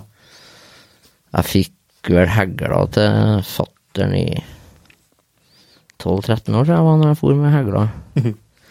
Bakom barneskolen og skutt. Men eh, ja. Nei, så jeg har holdt på med et eh, friluftsliv i hele livet, egentlig. Ja. Ja. Jeg har vært jo mest vært besett av eh, fiske, tror jeg. ja. Så begynte hun å rypejakta, og så Og du kjøpte ikke gården her for kyrne sin del, altså? Det er Nei, jeg det er noe kjøpte lakseelv nedi her som du kjøpte. Og så var det elgvoll her, da, så det var jo en god motivasjon å kjøpe seg gård. Så Det kan jeg forstå. Men eh, det som vi skal litt på nå, det går jo på at dere eh, har eh, for et par år tilbake, eller noen år tilbake starta Ravne, og jeg og Inge, i hvert fall, vi, jeg tror vi er heldig stilt til at vi har i oss at vi heier på folk som prøver, da. Og derfor har vi lyst til å høre litt med dere på det ja, hvorfor liksom, hvordan ideen om å, å begynne å lage eh, ja. Eh, det er liksom kom til Altså, verden. enten så er det reinspikka galskap. Men, eh, og jeg- skylder egentlig alt. Det er Olavs, det er for- Olas skyld. Nei, altså det vi, vi er ikke, og vi var aldri Vi er ikke sånne der Oi, vi er sånn grundig ambisiøse typer. Ja, det var vi aldri. Men etter hvert, tror jeg, altså, det kom et punkt at vi hadde gjort oss såpass mange erfaringer med både plagg og utstyr og litt forskjellige. Og vi danna oss en ganske sånn sterk mening om at det har blitt dårligere. Jaha. Det var i hvert fall vår, Ja, eh, vår oppfatning av det. At det, det var bedre på starten av 90-tallet. og det, ikke sant? det er gamle menn som sitter og alt var så mye bedre før. Ikke sant? Um, men det var et eller annet på veien der som var følelsen. Um, og så var det en sånn serie med tilfeldigheter. Uh, opplevelsen med noe fryktelig kostbare plagg som ikke fungerte. Og en artikkel skrevet av en Knut Høiele i Namdalsavisa. Og så begynte ballen å rulle. En artikkel om hva? Det handlet, Han skrev en artikkel om viltets syn. Um, og han skrev om uh, et forskningsprosjekt som foregikk opp Universitetet i Troms i forhold til kraftledninger og ultrafiolett lys, og hvordan det påvirka tamreinsdriften. Ja.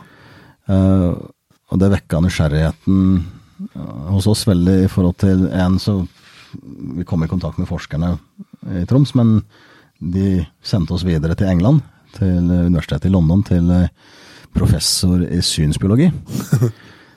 og man fikk rett og slett innføring og opplæring i hva man vet i dag Ja. om hva viltet ser. Og det er fryktelig annerledes enn det var for to-tre år siden. ja. Ikke, ikke hva viltet ser, men hva vi vet om det. Ja, Hva vi vet om det, ikke sant? Um, og, ikke um, og det er for at de hadde klart å måle lystemperaturen, eh, hvilket, eh, altså hvilken lys, eller hvilken farge, da. Eh, dyr kunne se, særlig reinsdyr. I levende dyr. Uh, I tidligere tider så tok man livet av dyret og delte øyeeplet i to og begynte å telle konens stav. Og antok man ja, den ser rødt, grønt og blått, eller grader av forskjellige.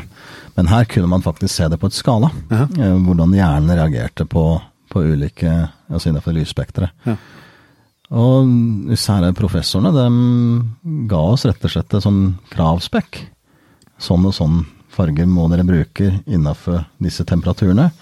Eh, UV var helt uaktuelt, de kunne ikke bruke UV-lakk, for det, det så uh, reinsdyra særlig fra slutten av september og utover. Ja. men også andre dyr. Ja. Um, så vi lærte fryktelig, fryktelig mye om, om det.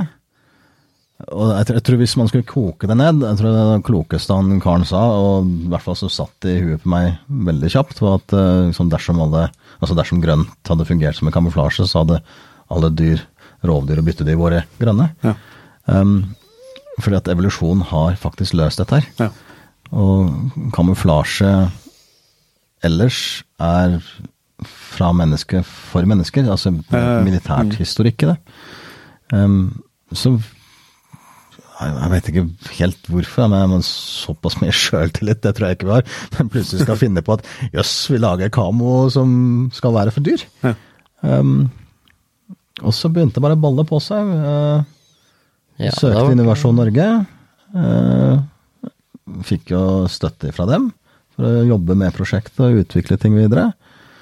Kom ordna oss noen skisser på kamoen og sånn. Så var det jo bare griseflaks at vi traff Riktig folk. Ja, Rett folk hele tida. ja, vi, ja, vi har vi vi heier på folk. Altså, ja. vi har ikke gått rundt og holdt kortene tett i brystet. Nei. Ethvert menneske jeg møtte på eh, hver eh, buss, togstasjon, så fortalte jeg om en sånn kjempeidé jeg hadde. sånn hei, hei, og så bare jabba i vei. Um, og plutselig så møter du en fabrikkeier. og du møtte designere og andre, ikke sant. Um, og folk snakka sammen, og andre hadde tips om andre mennesker. Um, og vi kom så langt. Vi lagde prototyper. Vi hadde en ganske sånn streng i egen regi, sånn streng idé om hva vi ville gjøre. Eh, for at det er vi som skulle bruke plaggene. Det var, litt sånn egoistisk i starten. Sånn, jeg vil ha det sånn. Um, og, så det, det er noen løsninger som er veldig sånn mitt. um, ikke veldig motebasert. Um, og oppi den prosessen, uh, 2015 tror jeg det var, da hadde vi fått noen prototyper, så var det noen innafor øh, SNO som fikk nyss i hva vi holdt på med. Um, og da, allerede da, så tror jeg vi sendte de aller første protojakkene til dem. Ja, så måtte samle ihop noen nå. Og så eh, måtte vi produsere nye, Ja. som vi sendte igjen i 2017. Ja. Og, så, og dem hadde testa i 13-14 måneder.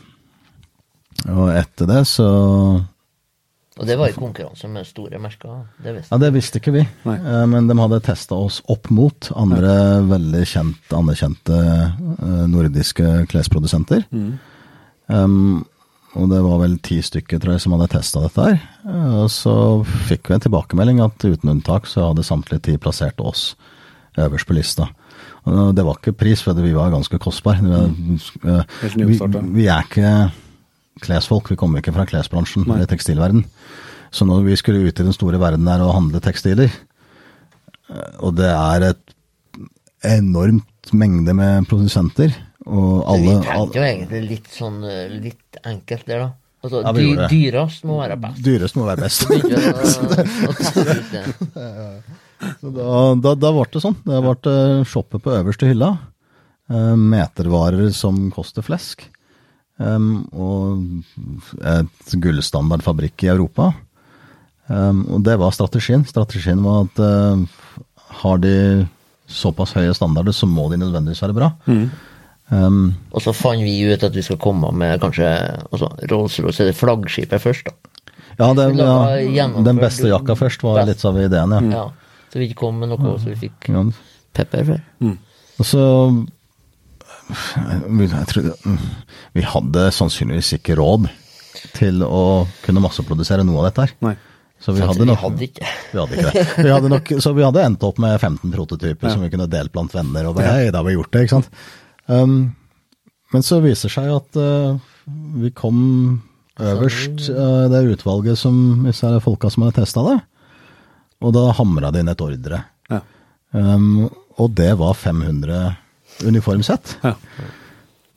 Så da er det jo ikke noe Og ja, så var det og- Ja, først så var det gå til banken og spørre, for vi, vi må jo forskuttere til fabrikken, ikke sant?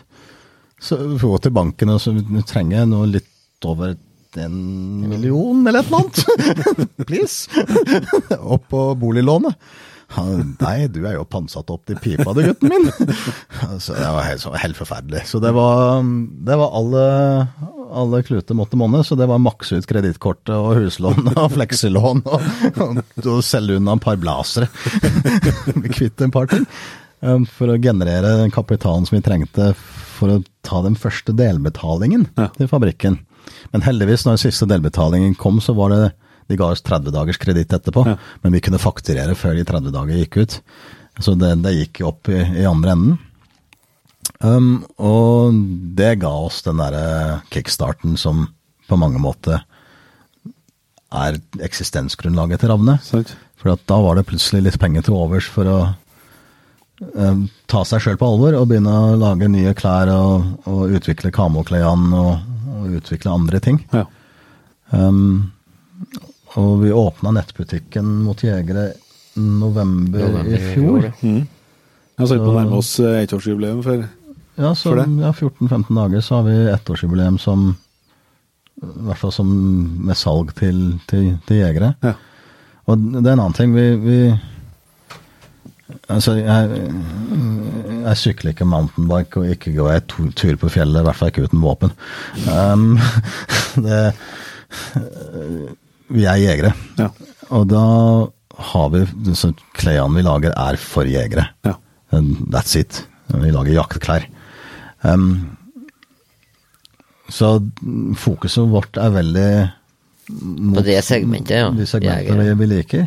Men uh, Men her er, her er det masse ting som kommer inn etter hvert, ikke sant? Og, og, og man lærer fryktelig mye veldig fort. Og en ting man lærer veldig fort, er at ethvert jeger har en helt ulik opplevelse av det samme plagg. Ja. Eh, Det er én ting. Det andre som kanskje mange La oss si mm, de yngre må lære seg, at det finnes ikke noe Kinderegg. Nei. Eh, Det er fryktelig mange der ute som tror at de kan kjøpe en jakke som løser absolutt alt av utfordringer. Det eksisterer ikke. Um, og her har vi heldigvis i Norden, altså i Skandinavia generelt, fantastisk god kunnskap om hvordan du skal kle deg. Og det, det er lag på lag på lag på lag som gjelder. Um, så vi har jobba egentlig med det i bakhuet, at vi lager lagsystemer. Et økologisk eh, kolleksjon, som er stort sett bomullsbasert og ull. Og et teknisk kolleksjon, um, Med som er membraner og, og ultralett. og den guidejakka vår, den, den er ikke flis, det er lykra. Um, og det stoffet som er på guidejakken er helt lik det stoffet som er på skalljakka, det ytterste, ytterste Ytterst laminatstoffet. filmen. Ja. Det er eh, Dynatec, og det, er, det brukes i motorsykkelklær. Ja. Så den Skal tåle litt juling. Tåle litt juling, ikke sant. Det, det, det vi ville. Jeg tror det var, ja, jeg kjøpte meg sånn ultralight-jakke for noen år tilbake. Jeg revna på første turen. Den gikk i svart, ja. Brukte 4000 kroner, og så revner jakka rett opp under armen, ikke sant. Ja. Um, Men, eh, hva, for, men dere har jo fått fram ganske, ganske mye da, på det året siden liksom, første plagget ble solgt en jeger. skal jeg si. Nå du har dere jo et, et komplett skallsett og en, eh, du ser den guidejakken, eh, og akkurat lansert en ny jakke i disse dager. det har vi. Eh, ja, Sabotør, Ja, sabotørjakka. Altså, de som ikke har sett det, bør inn på nettsida med en gang. Det er en bomullskolleksjon. Um, og skal slå et slag for det. Det er to, to lags Ventile-jakke. Ja. Ventile er et spesiell type bomull. Den har denne egenskapen at uh, den trutner eh, når den blir blaut, Ja. og så blir den vanntett. Det, det, er slett- det er rett og slett fascinerende. Det, det, det. det, det kommer fra krigens dager. Um, engelskmenn innså ganske fort at de kom til å gå tom for gummi og lateks Ja. under krigen. Um, og Churchill satte i gang uh, noen vitenskapsfolk at de måtte utvikle en erstatningsmaterial. Uh, særlig faktisk for brannslanger. Eh, For at gummien måtte brukes på ja, stridsvogner og mm. krigsmaterial. Um, og det var Ventail de kom med. Og, så det er bomull, og når de fylte brannslangene med vann, så trutna det. Men den bomullen er det er det som er spesielt med at den er langtråda. Ja, det er nettopp. Eh, Det, det er et genetisk avvik. Altså, Bomullsblomsten har 20-30 cm lange tråder, og det spinner man bomull av. Eh, Men så finnes det et genetisk avvik der blomstertråden er både 2, 3 og fire meter lang. Ja. Og det er ett selskap i verden som kjøper opp alt av dette her. Og de spinner veldig løst, altså veldig løse tråder, eh, men de vever ekstremt tett. Eh, Så bare å rigge maskinen til veving, det er tre dager. det er en lang og kostbar prosess. Men i og med at du har lange fibre som ikke har brudd i seg, så trutner dem. Og da, da har du ikke masse brudd hver tredje-fjerde centimeter. Nei. Um, og det gjør at det, at det blir Det blir tettere og blir tettere tettere. jo mer det regner, men den blir stivere. da. Jo, jo, det er klart. Det er klart. Eh, Det er klart at uh, Det er ikke en skaljakke. det er ikke noen ikke Jakkene, altså jakkene de, de blir jo finere og finere med, med årene. De, de, de aller første prototypene er fra 2015, eh, og vi har testa fram til nå. Mm. Så det, det er bukser og jakker som vi har gått med i mange år. De blir bare finere og finere å bruke. Um, men selvfølgelig, etter fire-fem års hard bruk, så bryter du ned fibrene. Um, men der er det hiv den i vaskemaskinen med litt Nixwax, uh, impregnering, og så gullet god. Fortsette som før. Um, nei, det så Jeg tror jeg, jeg har fått testa den eh, noen dager bare, så Men det, det der med å, å ta Det har jeg sikkert gjort 15 ganger. det var, synes det er så fascinerende. Så ta den under i vasken, og så slett på vasken. ja, så se hvor det vannet preller av, ja. ja. Det er helt, eh, det er helt eh, fascinerende, rett og slett. Men hva er det nå? Kan dere eh, røpe noe, noe brukplaner framover, eller? Nei, kan vi det? Kanskje, Nei, kanskje Vi jobber, altså- tynn jakke? Ja, vi jobber Altså, eh, litt av eh, Veldig tynn.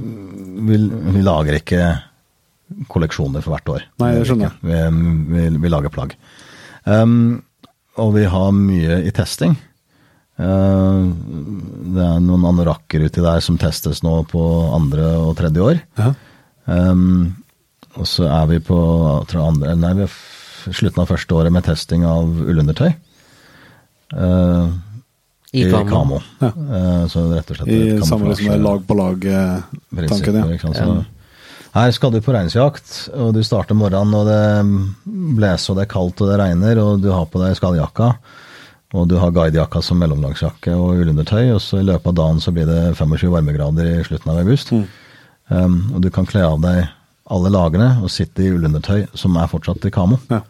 Um, og i, I dag så er de aller fleste enten blå eller svart av ullundertøy, så er du på fjellet og ser noen som går i mørke klær, så er det fryktelig lett å få øye på. Eh, Det, det er nesten lettere enn å få, få øye på noen som Det er er svart enn hvit.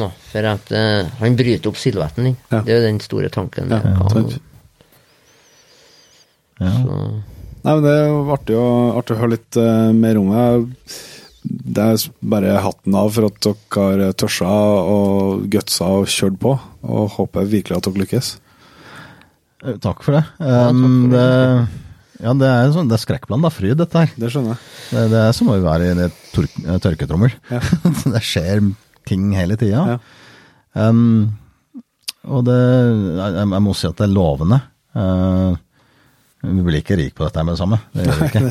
Uh, men det, men vi, jeg, jeg syns vi, det lover meg at du får noen vi får gode tilbakemeldinger. Um, vi, vi, vi, liker, vi liker at folk responderer og forteller hva de syns og mener. Sant?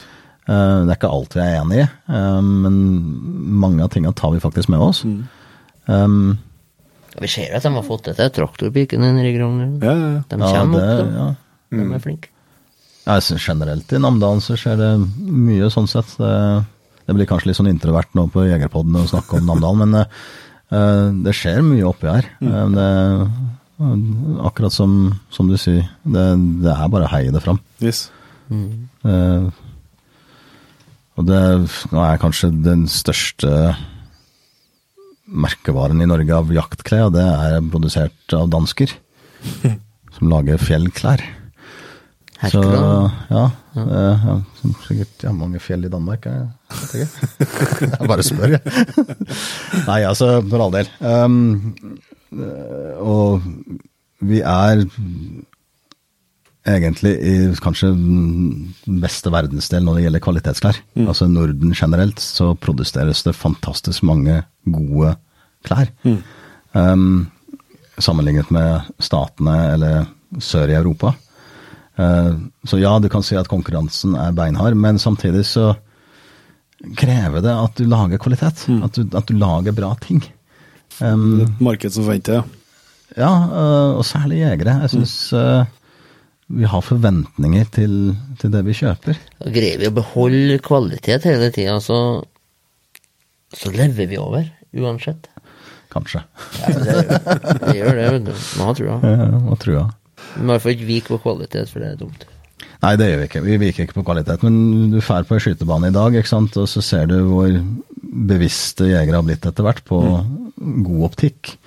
På bedre børser. Ikke sant? Det, er, det er ikke så mange som springer rundt med kragen lenger.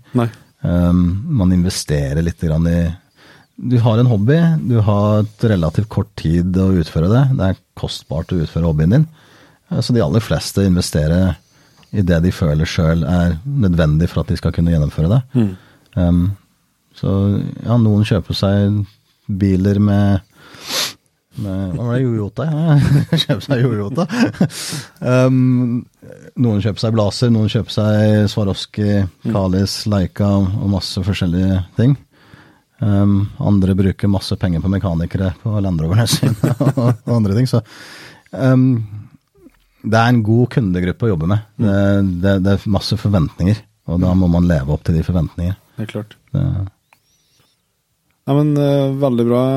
Da ser jeg klokka er faktisk eh, halv tre, så jeg tror vi skal begynne å runde av. Nå skal jeg levere i barnehagen i morgen. Men uh, tusen takk for at dere tok dere tida til en prat. Du, det er en, rett og slett en ære å få lov til å være med på Jegerpodden.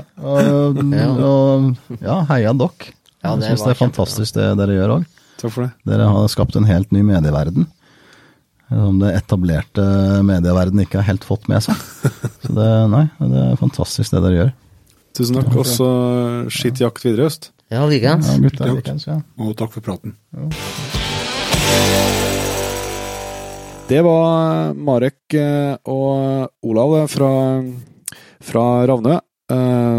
Eh, Det er en, eh, litt av historien eh, Marek har, altså med det Jeg må si at eh, jeg har tenkt litt på det etter praten dere å, og debutere på jakt, ikke det feil sjøl, men debutere på jakt på å være med på løvejakt, det, det syns jeg, synes jeg er friskt. Det er frest, satsa, ja. Ja, det. Så det er jo eventyrere, dere. Og um, veldig flink til å, å prate for seg, Marek. eh, Og ja, jeg må si at det imponerer meg så voldsomt bestandig når du får prate med folk som uh, har tørsa å, å prøve å ta en sjanse. Ja. Uh, samme hva det egentlig er for noe, så, så jeg syns det er fascinerende. Så artig å høre på. Så um, jeg krysser for fingrene for at de, uh, at de lykkes med det de har lyst til å, til å få til. Ja, det, altså, det er jo en det er jo en tøff bransje, jaktklesbransjen, og, og, det, og det, mm, det er jo mye produsenter, sånn som eh, Man skulle jo tro at det snart holder på å nærme seg det som er, som er, er så bra som det går, går an å få det. Eh, jeg vil jo si at de har jo eh, virkelig lagt seg på en lest over og at eh, de skal være i, i det toppsjiktet. Så, Så, så er det jo ekstra artig at, det, at de er fra Namdalen, da. Ja, ja, det er selvsagt er vi noe så enkelt i, i topplokket. Så det er, det, er, det er- artig med folk som prøver, så det tror jeg er et uh, fint uh, tanke å avslutte med. Ta og Hei på folk som eh, prøver, samme hva det er. Og, og hvis du går med en drøm, ta og prøv å sjekke ut om du ikke skal gjøre noe med. Yes. Eh, Men da skal vi bare si tusen takk for at du var med helt hit. Eh, Minn igjen om at det er muligheter for å bli P3-en og få noen bonusepisoder fra oss. Få Få litt rabatt i nettbutikk osv. Det finner du alt på jegerpoden.no. Nettbutikken, der er det jo eh, flotte produkter, Jon Inge. Det er det. Og nå, nå, Eh, vi skal, eh, nå skal vi faktisk sende ut en offentlig beklagelse her, for at eh, vi, det her er spesielt eh, barne- og babyproduktene våre eh, de eh, røk jo ut av lageret ja, fortere enn svint. Så det har jo tatt litt tid før vi har fått tilbake på lager, men nå, nå har vi bestilt eh, veldig mye. Så nå eh, skal det bli raskere leveranser framover. Yes. Uh, så det, det også Første vekka elgjakta er ikke den vekka vi er sterkest på levering. Det, og det tar vi sjølkritikk på. ja, det gjør vi. men, eh, så, men så beklager vi til dere som venter. Men det, nå er alt på tur, og alle bestillingene som kommer, de sendes ut fortløpende herifra. Yes. Så sjekk ut det. På Jegerpoden.no finner du alle episodene, alt innholdet vi har. Facebook og Instagram. sjølsagt må du følge med der. Der dukker det opp eh, mye artige greier etter hvert. Og eh, så ser vi som vi bruker å gjøre, gjør vi ikke det? Vi høres. Skittjakt, og vi høres. Mm.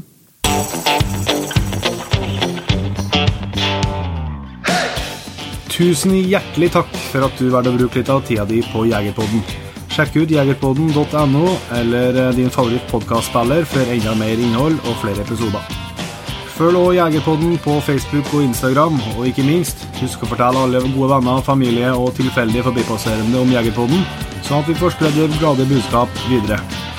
Vi høres.